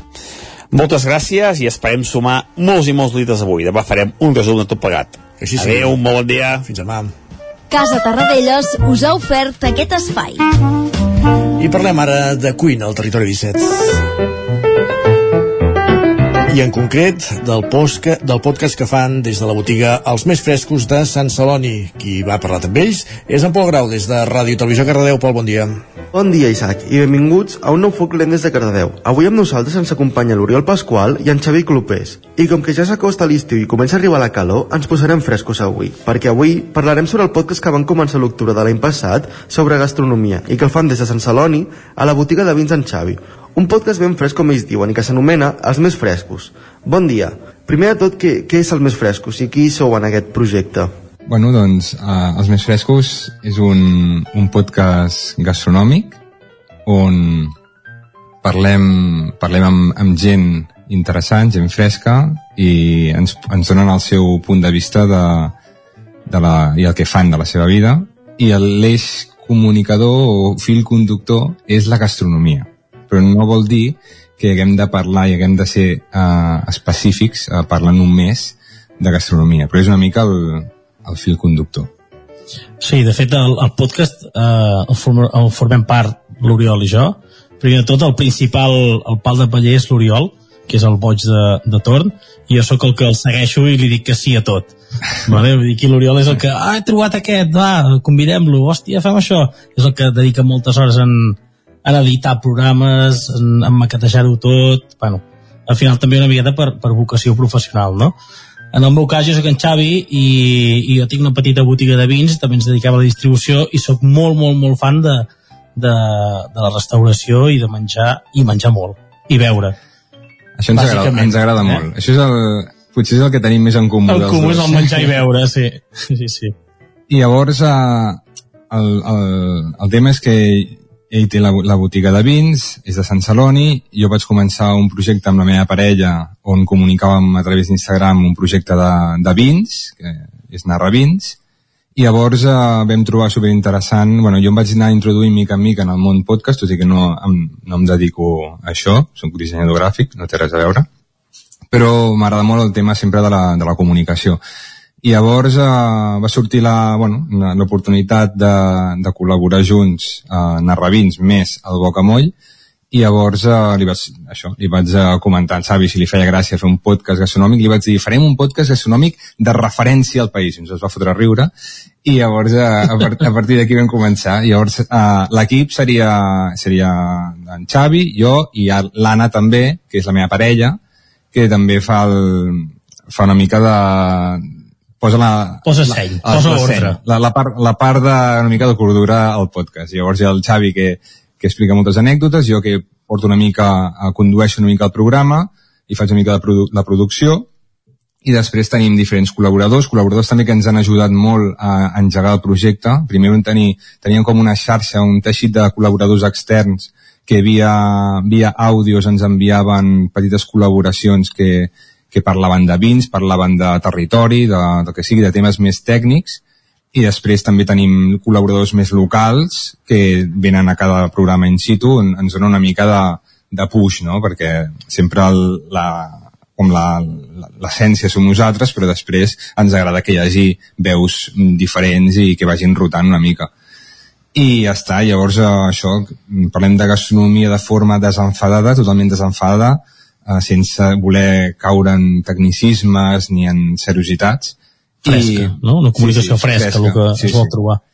I convidem, llavors, des d'allà, mm, el segon programa, el tercer, vam veure que la fórmula de portar una persona i, entre, i no, no és una entrevista realment, ens agrada pensar que és més una, com una, una xerrada. sí, un no? Col·loqui, un, un, un parlar sobre, sobretot la, la persona i quina involucració té amb, amb el món gastronòmic, no? Sí. No tant l'entrevista personal, l'entrevista personal també hi és, però sempre també amb un rerefons més, més el que mola de, lúdico-gastronòmic, no? El que mola de la gastronomia al final és que tothom pot parlar de gastronomia, no cal ser un entès, vull dir, tothom disfruta mm, amb major o, o menor mesura això, amb menjar, bevent, anar a restaurant, potser qui no faci res d'això hi hagi una pròpia anècdota que no ni cuini ni li agrada dir res, vull dir, al final eh, és, un, això, és un motiu per parlar d'altres temes, i, però sempre amb una ampolla de vi o de cervesa i algú de menjar sobre la taula. No? I ens agrada molt això, doncs, a parlar. Sempre que hi hagi menjar i coses sobre la taula, la nostra taula sempre està a petar. Plena. Sempre, sempre està a petar. És, és com un, un programa molt barroc en tots els sentits. Sí, sí, el menjar i el beure no falta a la taula Exacte, en cap moment. exacte. Tant per nosaltres com, com la gent també que ens ve a veure i a part també la botiga és una cosa interessant que està, està oberta Ah, i va, sí, sí, i això va entrant gent i va, i aquest, Totalment. això també que fa una miqueta el, el programa més, més Ben- dinàmic, més ben vist. natural Sí, sí, sí. no? que això Clar. és el punt que jo primer era un pèl més reticent i l'Uri, no, no, no, la botiga oberta, que hi hagi moviment, que hi hagi sarau. Pues, ens mola, sí, ens mola que, aquest punt d'imperfecció que et porta doncs, a que hi hagi la, la porta que s'obre, que entra gent. Un dia, un dia com a anècdota, en Xavi es va haver de- va haver d'aixecar a, A de, despatxar. a despatxar algú i, i em vaig quedar allà sol i Xavi, tio, no em deixis, cabron. Sí, sí, sí. Cada quan quedeu per gravar un podcast? Bueno, el s'emet eh, dos vegades al mes l'episodi i, i el gravem una vegada al mes i ens eh, fotem dos, dos programes perquè no et pots imaginar el muntatge que li hem. Vull dir, quan estem més estona muntant que, que gravant quasi. I llavors ja que ho tenim muntat almenys fem, fem feina. Amortitzem. Amortitzem perquè... La instal·lació.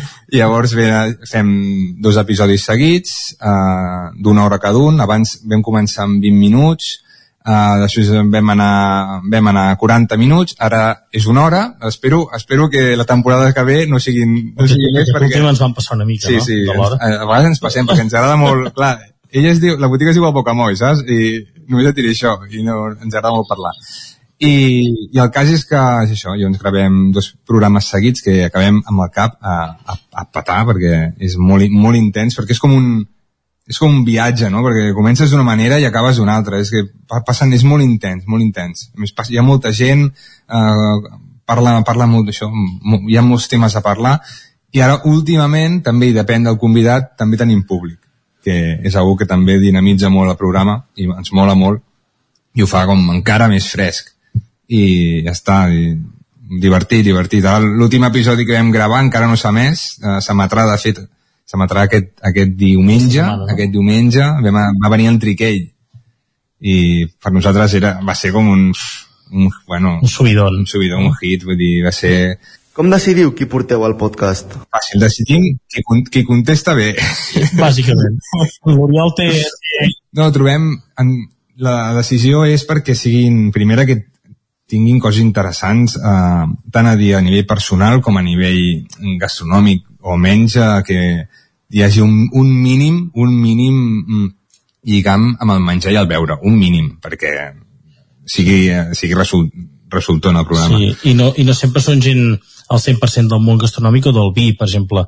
Com per exemple en Triquell, que és un cantant, que al final el que pot aportar és una persona jove, un perfil jove conegut, és a dir, quina relació ell té amb la gastronomia Clar. no? amb el moment actual que hi ha amb el que estem vivint aquí però després també et trobes en gent molt professional com pot ser en Roc Gramona per exemple que ve de la família que ve Total. o en Seijas o gent, O- gent potent amb, amb molt coneixement i amb, molt, amb molt bagatge o amb, amb en Ramon Bartolí de rac va venir també, exemple. i aquest era molt guai perquè també estava tenia a nivell familiar una estreta relació amb la vinya, no?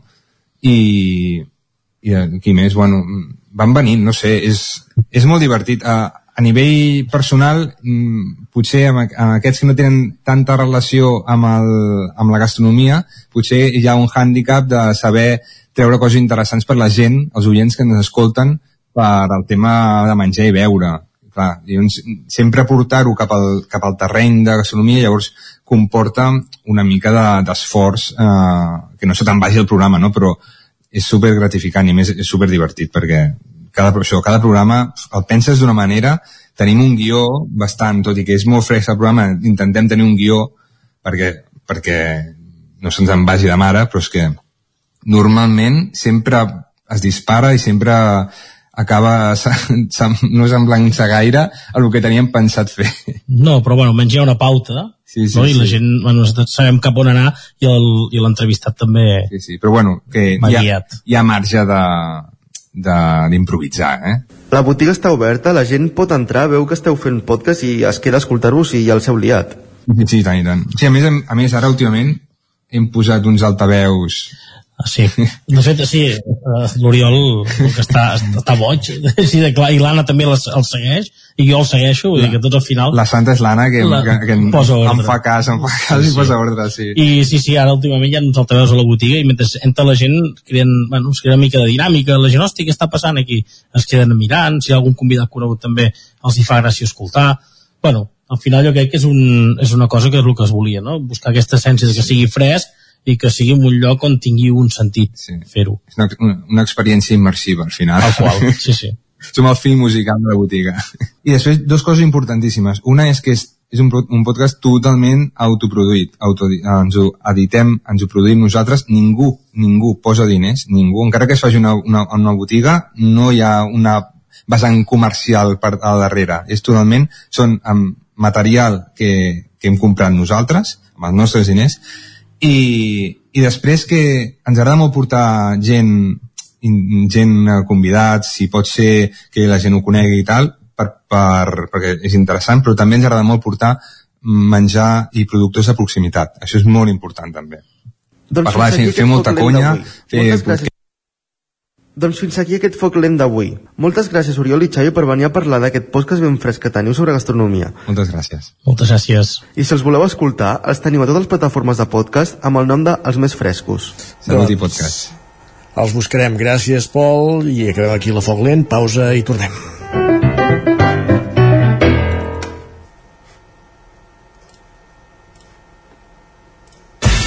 El nou FM, la ràdio de casa, al 92.8. A Bailen sabem que quan té una avaria a la seva caldera vol una solució ràpida. Truqui al servei tècnic oficial Bailen i els nostres tècnics vindran ràpidament a solucionar-li el problema. A més, si canvieu ara la caldera, us regalem fins a 250 euros. Truqueu al 910 77 88 77 o entreu a bailan.es. El 3 de juny vine a Sant Julià de Vilatorta perquè arriba Keràmic, la festa d'experiències en fang. Des de les 10 del matí fins a les 9 de la nit al Parc de les Set Fonts experimenta amb tallers, torneja en una masterclass o simplement contempla tot el que es pot fer amb el fang al mercat o a les exposicions, entre d'altres. Consulta més informació i el programa d'actes complet a keramic.cat. T'esperem.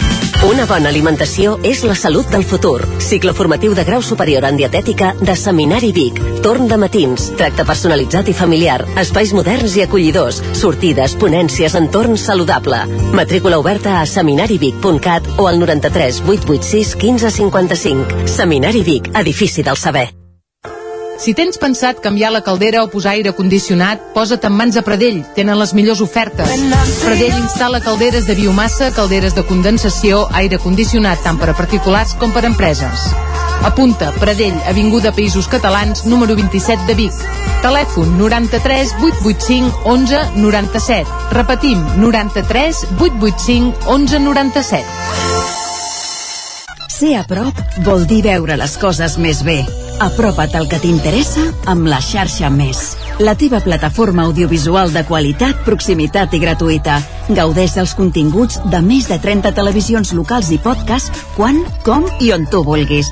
Entra a la xarxa més.cat i descarrega't l'app. Cocodril Club. Si t'agrada la bona música dels anys 60, 70 i 80, escolta el 9 FM als matins de dissabtes i diumenges d'11 a 1. És el temps del Cocodril Club, tot un clàssic de la ràdio, amb les bases del pop-rock, les llegendes, les cançons que s'han convertit en autèntics himnes. Recorda, dissabtes i diumenges al matí, d'11 a 1, al 9 FM 92.8. Cocodril Club, el programa revival de l'Albert Malla. Hasta luego, cocodrilo. Bon dia, són les 9 al Territori 17. La Miquel Parella. Cada matí i durant dues hores t'acompanyem i et posem al dia de l'actualitat de casa nostra.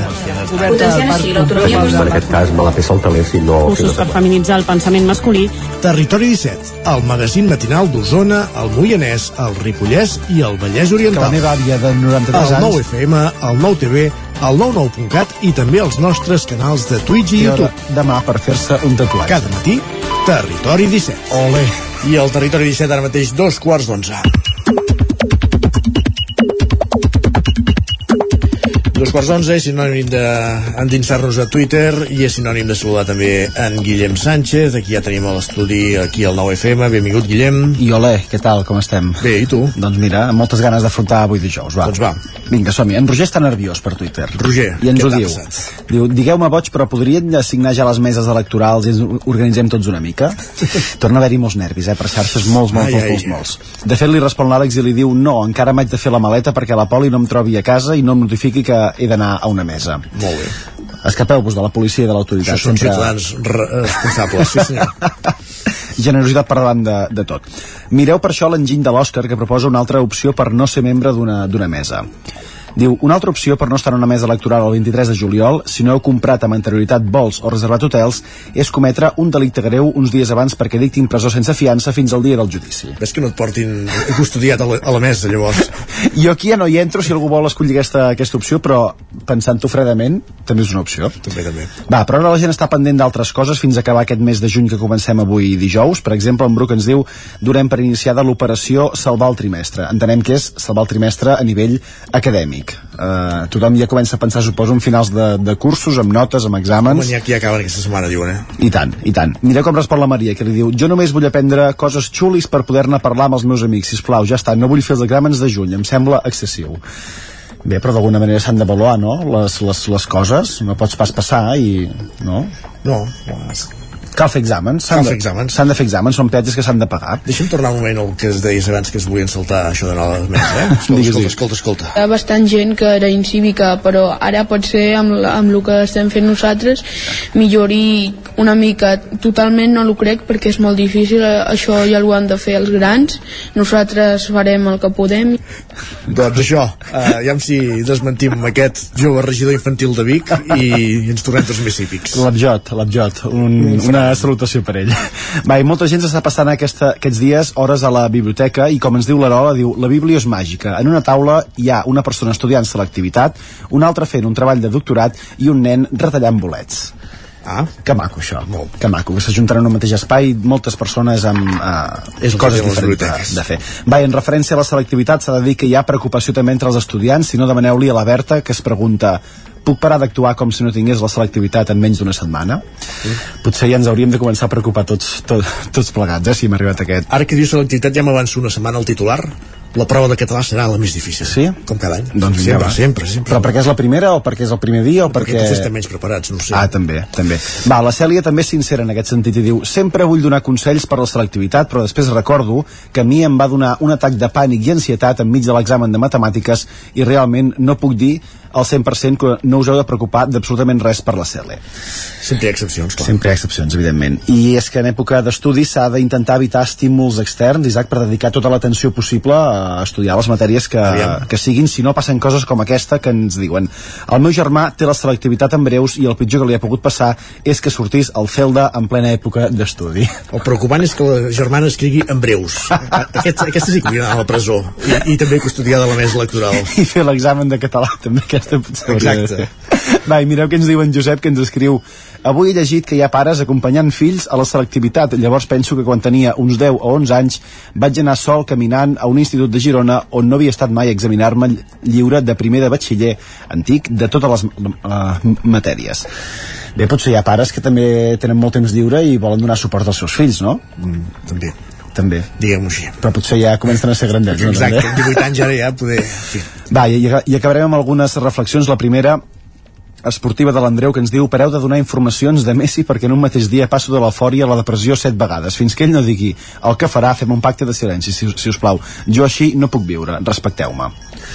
Respecte. Doncs vinga, respecte. I em sembla, Isaac, que volíem destacar alguna cosa també vinculada amb, el, amb, amb la déu d'en Busquets i d'en Guardiola. Ara, ara que faràs li- buscar, eh? però sí, sí, ho trobarem ràpid, eh? ho trobarem, perquè em Sí. sembla que ahir amb el comiat de Busquets en Guardiola li va dedicar un vídeo, no? Em sembla Exacte, a l'amic sí, sí. de, de Badia a l'amic de Badia del Vallès li va dedicar un vídeo eh, en fi, no, és que ara no, no, no el tinc tant a l'abast com voldria però bàsicament en aquest vídeo citava els primers camps on van coincidir junts un com a entrenador l'altre com a jugador i eren els camps de, de tercera divisió d'aquella temporada l'any 2007-2008 correcte i, Abans de i la del triplet. cita, cita tres camps però no cita el de Manlleu bàsicament, Correcte. bàsicament perquè Guardiola no, no en té massa bo- bon record perquè va acabar expulsat però jo, vaja, jo, jo he de dir que aquell dia estava al camp del, del Manlleu veient aquell, aquell filial del, del Barça, Barça. que no sé com van acabar de, de resultat però encara recordem a Busquets i Pedro jugant Pedri llavors era Pedrito, Pedrito Pedrito, Pedrito era, perdó, sí, sí. Pedrito.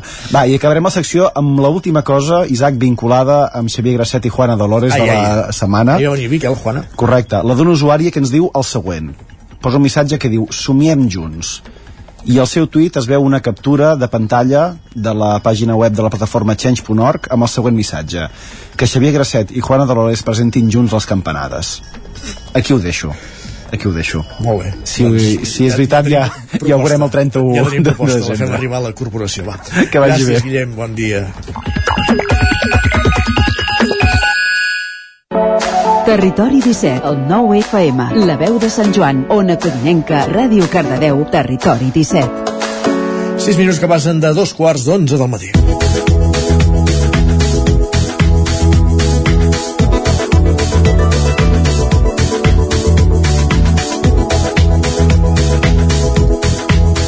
Ho explicàvem a la portada, Ramon Roquer va revalidar l'alcaldia a Sant Joan de les Abadesses diumenge amb la cinquena victòria consecutiva per majoria absoluta. Roquer, que és alcalde des de l'any 2007 i que quan acabi aquest mandat portarà 20 anys com a alcalde, és regidor del consistori també des de 2003 i aquest mandat ha estat president del Consell d'Alcaldes i membre de l'equip de govern del Consell Comarcal del Ripollès amb l'alcalde de Sant Joan de les Abadesses, a la veu de Sant Joan ja l'Isaac Muntades. Benvingut, Isaac, bon dia. Bon dia, Isaac. Doncs sí, avui tenim amb nosaltres eh, el flamant alcalde electe de Sant Joan dels Abadeses, Ramon Roquer. Bon dia, Ramon, i moltes gràcies per ser novament amb nosaltres al Territori 17. Bon dia, no, gràcies a vosaltres per invitar-me. Uh, primer de tot, enhorabona per la victòria. Des, des de fora semblava que aquestes eleccions serien més, més igualades, que evidentment serien un cara a cara amb Esquerra Republicana de Catalunya i Moviment d'Esquerres, i realment així va ser. La distància en vots encara per això era prou àmplia, fa 4 anys, recordem-ho, eh, vareu aconseguir guanyar d'uns 300 vots aproximadament, aquest cop sí que es va reduir a menys de 150, però, però encara hi havia aquesta diferència. Uh, no sé si vostè ho veia més complicat aquesta vegada. Bé, en un poble pot passar de tot, les, totes les eleccions són diferents i per tant, bé, acaben jugant finalment doncs, tot allò que ha, ha vingut passant doncs, els últims anys, sobretot en l'anterior legislatura, no? més, més que no la feina potser feta en altres moments i per tant, eh, bé, si ets una mica humil, has de pensar que, que evidentment s'ha de lluitar, s'ha de defensar, s'ha d'explicar doncs, la feina feta i s'ha de tornar a demanar confiança i finalment és el ciutadà el que acaba decidint si aposta doncs, per un candidat o un altre així doncs, del meu punt de vista és que unes eleccions sempre són molt difícils i que sempre s'ha d'anar elles amb molta humilitat perquè realment pot passar de tot perquè el ciutadà té aquesta, té aquesta llibertat no? de decidir eh, qui vol que continuï al capdavant de l'Ajuntament Uh -huh. uh, ara l'Isaac repassava els resultats també hi havia un altre punt a tenir en compte que és la participació que ha baixat uns 7 punts a, en aquest cas a, a Sant Joan uh, com l'interpreten aquesta baixada de la participació? Bé, la veritat és que ens ha sorprès una mica perquè Sant Joan és un poble que la gent vota, eh? ho sol fer en totes les conteses electorals i més en unes municipals. Mm, Per tant, segurament alguns d'aquests votants no han estat del contents del tot eh, amb, amb, amb nosaltres, diem-ho així, eh, amb els representants dels diferents grups que ens presentàvem i que la seva finalment decisió ha sigut la de no votar i jo penso que això també ens ha de fer reflexionar a tots els grups del per què eh, se'ns ha quedat tan votant a casa que ha preferit més no votar. Jo crec que aquest sí que és un toc d'atenció que hem de valorar i tenir en compte a l'hora també de treballar el dia a dia i, i pensant doncs en el futur del poble, sí. Tot i així eh, hi van haver un 73% de votants a Sant Joan que potser és de les xifres més altes de la comarca. Eh, és veritat que fa 4 anys eren el 80% que encara és molt més alt però, però Déu-n'hi-do no, el percentatge Sí, Sant Joan sempre ha sigut un poble que, que s'ha votat, però tot i així jo penso que, que sí, que hem de ser conscients doncs, que 200 votants es van quedar a casa, que no van anar a votar, i això ens ha de preocupar. I, i home, i, i, i personalment, eh, que, que estat governant i que de seguir governant, doncs em preocupa moltíssim. Bé, ara, més enllà dels anàlisis, sí que jo penso que que anirem percebent a poc a poc doncs, i també doncs, a, a, a través d'aquestes mateixes persones el per què hi ha hagut persones que no han anat a votar jo crec que sí que hem de, hem, hem de saber la seva opinió, l'hem d'analitzar bé i l'hem de tenir en compte Uh -huh. Avancem per Sant Joan no va aconseguir obtenir representació aquesta llista associada a Junts per Catalunya això també els afavoria d'entrada perquè és veritat que quedava un duel més cara a cara no? que llavors si entrava Avancem eh, es podria haver donat aquesta possibilitat del 5-5-1 i que, que s'hagués eh, empatat no? i, i s'hagués de cantar per una banda o per l'altra uh, no sé per això com es viu a, a, amb la responsabilitat de governar un poble on la meitat del poble li dona suport incondicional per això i l'altra meitat se'n va a l'altre grup és, és difícil integrar aquestes dues sensibilitats? de fet era molt interessant que hi hagués eh, una tercera llista i de fet que ha estat interessant que n'hi hagués pogut haver una quarta. Jo crec que això no ens ha de fer cap mena de por tot el contrari, um, com més representació doncs segur que se podia ajustar més qualsevol d'aquests grups doncs, a, a, les, diguem, a les voluntats de, del ciutadà.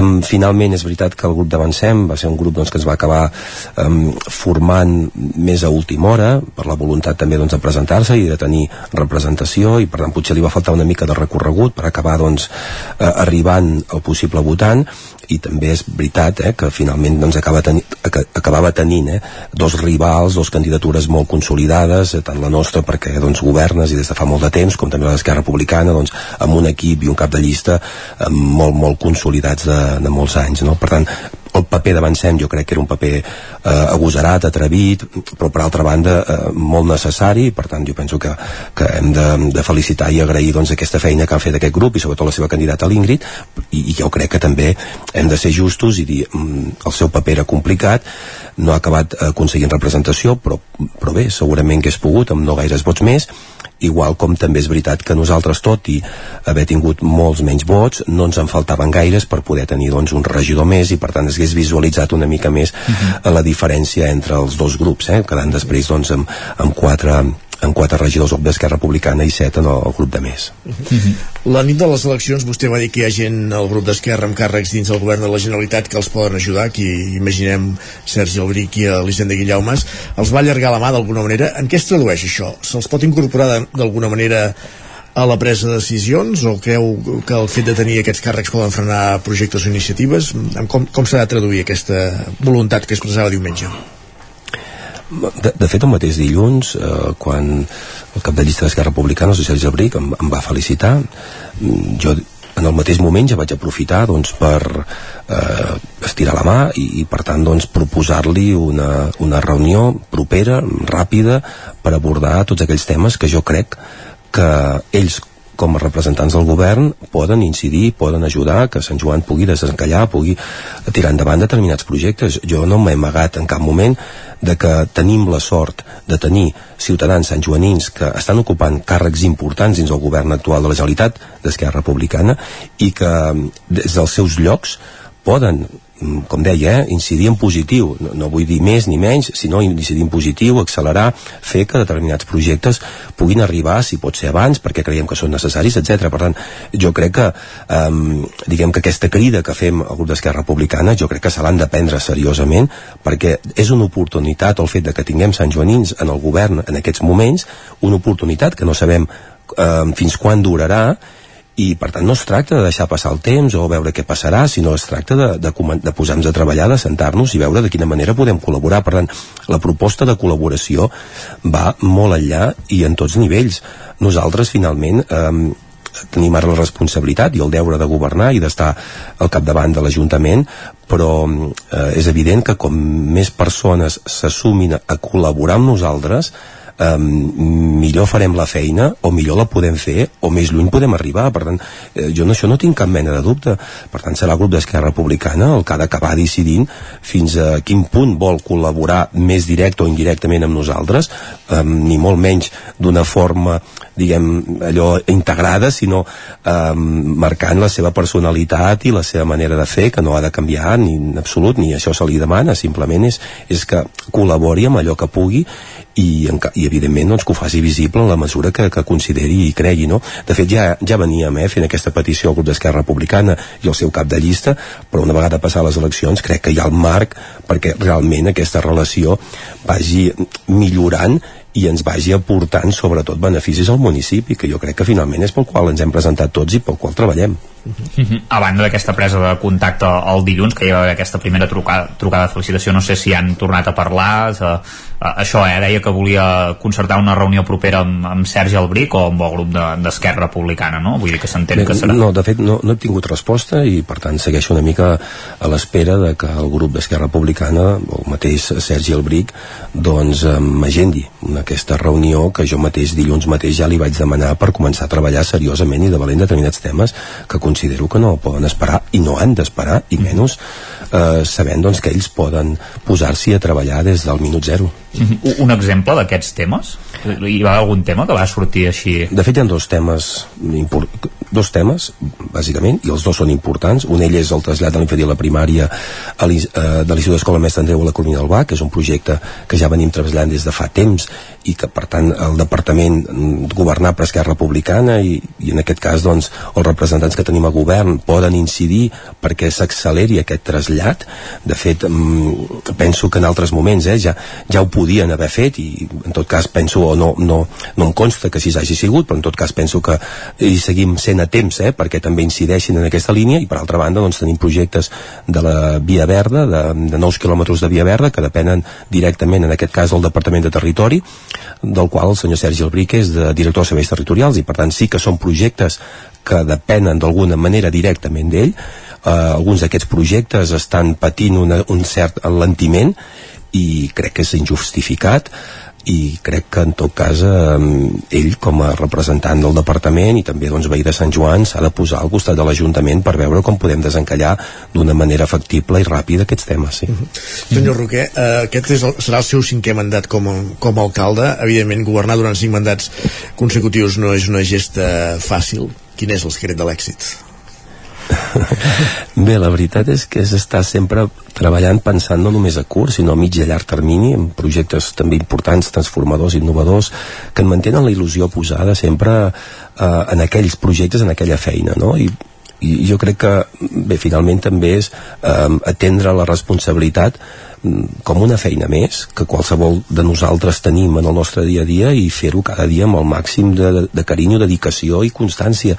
Després el temps, eh, bé, aquell, diguem, a, a, aquells mandats que no busques inicialment es van succeint sense donar-te'n massa compte, no? Si és que la teva implicació és màxima i el temps et passa volant com m'ha passat a mi. Em parles de 16 anys i penso que, uh -huh. miro enrere i penso que, és, que era ahir, no?, que vaig entrar a l'Ajuntament bé, suposo que és aquest tema d'implicació i sobretot també que la feina la feina t'il·lusioni però la feina t'agradi no? Aquest és, crec que aquest és el secret de, de fet, com a curiositat hem de dir que en el cas d'acabar aquest mandat eh, vostè ja serà el, el més longeu de, de la història dels alcaldes de Sant Joan per davant d'Eduard de, Armengol i Esteve que va estar-hi 19 anys, 3 mesos i 3 dies vostè ara mateix és el segon com, com a efemèride, vull dir que déu nhi no? Sí, sí, de fet tampoc busco cap objectiu concret tinc al cap moltíssima feina que tenim de fer aquesta legislatura i d'altra que, que sembrarem perquè es facin altres legislatures jo evidentment sóc molt conscient de que un tampoc no pot estirar no? Mm, gaire més, no sé quant més no? però mm. gaire, gaire més la, la, la diguem la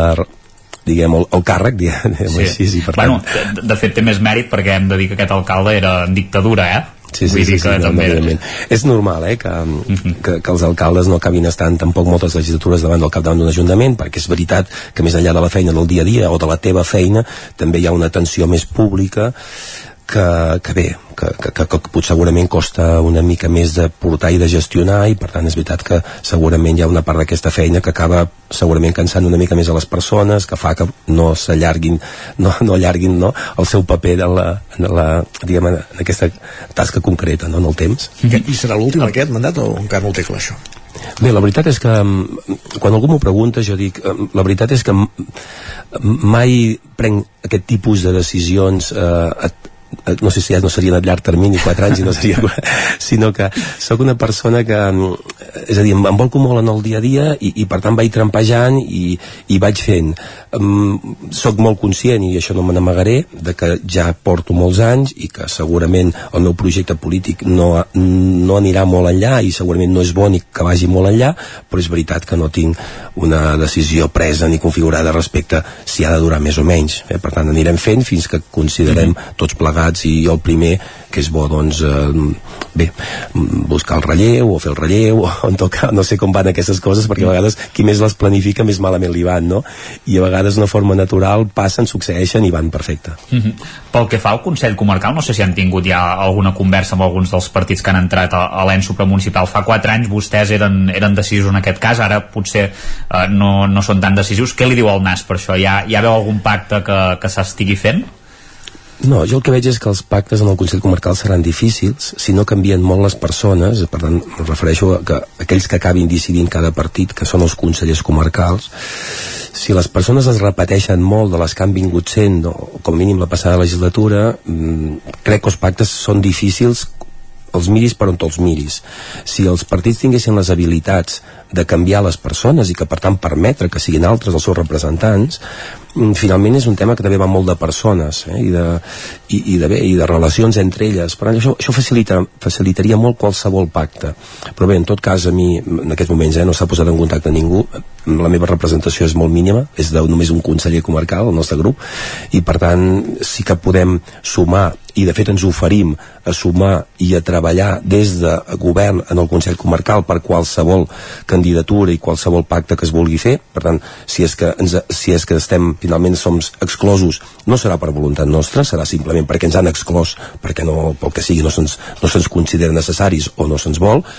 I per tot així com comentava, eh, no, no veig fàcil un pacte entre les diferents forces polítiques si no hi ha una renovació de les persones en tots aquests partits. Uh, per tant, per exemple, en el cas d'Esquerra Republicana, uh, clar, es donaria la casuística que segurament pot ser que Sergi Albric sigui un dels consellers, o algun dels consellers de més també podria ser vostè, ara ens ho dirà, eh? no sé si vostè serà el conseller de més, eh? De fet, no, no, no n'hem parlat encara i mm -hmm. suposo que fins després de la presa de possessió no es, tots els partits no, no se centraran més a parlar del Consell Comarcal. Ara tothom, veig que tothom té feina, a part de, dels pobles, doncs que mira que per sort ja, ja tenim majoria, però els altres encara tenen molta feina a veure com es va, a veure què acaba sent l'alcalde en alguns pobles, no? Llavors jo penso que potser els partits ara estan focalitzats en això però, i d'aquí res, d'aquí uns pocs dies entenc que començaran a donar-li voltes en el Consell Comarcal. Mm. Ajudaria, per exemple, per això que ni, ni Sergi Albric ni vostè hi estiguessin? No, no, no, jo, jo, jo crec que jo, jo, jo, evidentment he dit jo, eh, el canvi de persones en general mm -hmm. i segurament seria la situació òptima, un canvi total de persones. Si no hi ha un canvi total de persones i es repeteixen moltes d'elles, home, jo crec que el que s'ha d'haver hi ha d'haver un canvi d'actitud, s'ha de tots plegats més generosos, en voler començar un cicle nou, i per tant posar una mica el comptador zero no? que és de fet una mica el que jo plantejo a Esquerra Republicana a Sant Joan després de, de molts anys d'aquesta petita batalla política, no? sobretot per intentar doncs, eh, guanyar unes eleccions. Home, quan han passat les eleccions jo crec que cada vegada ho he fet i ho torno a fer i ho torno a repetir, crec que ara ja és el moment de, de que ens posem tots a treballar cadascun al lloc que li correspon en benefici del poble, llavors seria en benefici de la comarca.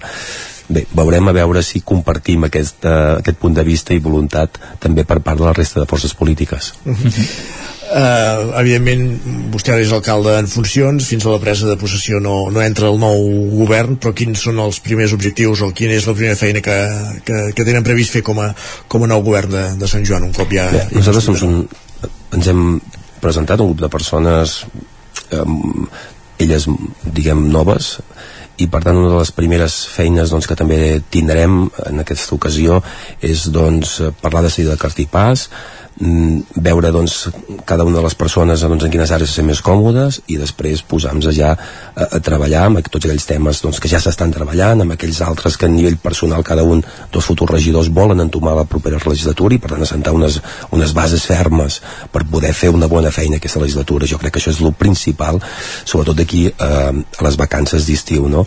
Eh, treballar molt tota la legislatura en el seu conjunt, amb les persones que han tingut la il·lusió i la voluntat doncs, de, de posar-se en les candidatures, en aquest cas doncs, els meus companys de viatge a la propera legislatura.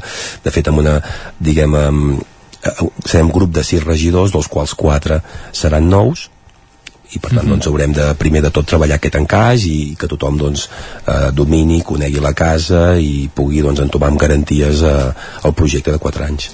Ramon Roquer, alcalde de Sant Joan de les Abadesses, ho serà per cinquè mandat durant 4 anys més. Moltíssimes gràcies per atendre'ns i sort i encerts també en aquest nou Moltíssimes mandat. gràcies a vosaltres, eh, gràcies. Gràcies també, Isaac, per acompanyar-nos un matí més.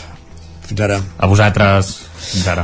Nosaltres avancem al territori 17, rec de final del programa, tot seguit el que fem és parlar de sèries.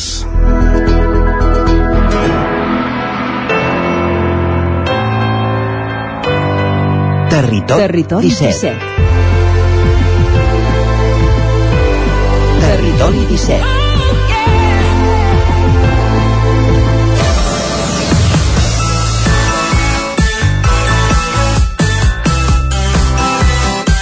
Cinc minuts i escaig perquè siguin les 11 del matí, rec de final del territori 17 d'aquest dijous 1 de juny de 2023, primer dia de juny d'aquest 2023, ja s'acosta l'estiu. Estem, com deia en Pep Acosta, el mes amb més llum de solar de, de l'any. Avui el comencem i el que fem ara tot seguit al Territori 17 és acabar el programa parlant de, de sèries com procurem fer cada dijous. Pol Grau, benvingut de nou. Bon dia, Isaac. Què tal? Bé, aquí preparats també per la cel·la la setmana que ve, alguns. També fas la selectivitat? La específica és per pujar nota. Caram, molt bé, doncs molta sort, eh? I entre, entre exàmens, eleccions i una cosa i altra, tens temps de mirar sèries, vaja, vaja. Molt bé, molt bé. Alguna Ja. por ahí vaig traient temps algun moment. Molt bé. Avui us, us porto la sèrie de From, sí. uh, d'HBO. Té dos temporades actualment, la segona l'estan estrenant a poc a poc, capítol a capítol. La primera són 8 capítols, d'uns 45 minuts a una hora, i la segona de moment té 5 capítols, o sigui, s'està esperant per estrenar el sisè, i no sé si tenen 8 o més capítols. Uh, la sèrie, uh, bueno, quan es va estrenar la primera temporada, Stephen King ja va posar uns tuits dient que amb ell li va explotar el cap mirant la sèrie. No sé si els, els ho explicar per aquí també o no. No em consta, però vaja. Però la sèrie és una barreja entre Lost, que no saps què està passant, i una novel·la de Stephen King, per dir-ho així. Uh -huh. És una sèrie d'així de misteri i terror, on ens parla d'un poble dels Estats Units maleït, on la gent està atrapada a dins i no pot sortir, uh, però quals, qualsevol cotxe, camió o autobús que entri, sí. diguéssim, a dins del poble, també es queda atrapat i no pot sortir. Carai. Però no queda aquí la cosa, ja que quan es fa de nit surten una espècie de fantasmes, monstres o zombis que no saben què són, que on la premissa és que no els poden deixar entrar a casa i només tenen un talismà que, va, que pengen i ja, no poden fer res més contra ells.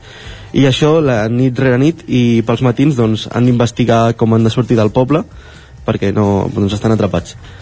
I la premissa és aquesta. És així de terror psicològic i misteri i està bastant entretinguda Per on vas tu ara? Estàs a la primera temporada, has dit? O vas, ja has primera la vaig acabar i la segona encara no, no he pogut From, eh? la, la, la, Aquesta- seg- Digues, digues. From, sí, la segona es va estrenar, estrenar el 23 d'abril i encara no, no he pogut posar Molt bé. Doncs, déu nhi eh, es, es presenta, entre, si més no, entretinguda, eh? perquè com de, deies, Sí. és, eh, té aquest component de, de terror eh, que... terror misteri que Terror misteri. li dona aquesta vidilla de com, no sé si vas veure Lost que també és d'aquelles que no saps què està passant ni què, Sí. ni què anirà doncs té aquest, aquesta vidilla igual Molt bé. Sí, sí. Lo- L'os d'entrada l'argument em semblava més atractiu que aquest, però potser haurem de, de provar-lo i, i veure I si veure també com ens enganxa com, com, com, com és eh, el Com teu cas. From, sí. doncs, a HBO Max ja hi ha HBO. una temporada acabada i aquest 23 d'abril, el dia de Sant Jordi, s'estrenava la, la segona temporada. En Pol la té en cartera i veurem, quan, quan la tinguem més avançada en podem tornar a parlar a veure com avança. Gràcies, Pol. Doncs, I tornem demà. gràcies, Isaac. Vinga, Fins demà. Adéu-siau.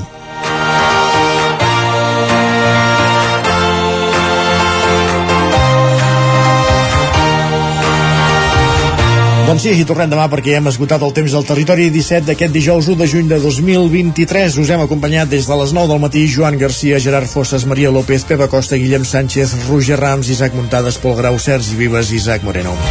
I tornarem demà, que serem divendres, a partir de les 9 del matí. Fins aleshores, gràcies per ser-hi. Molt bon dijous. Adeu.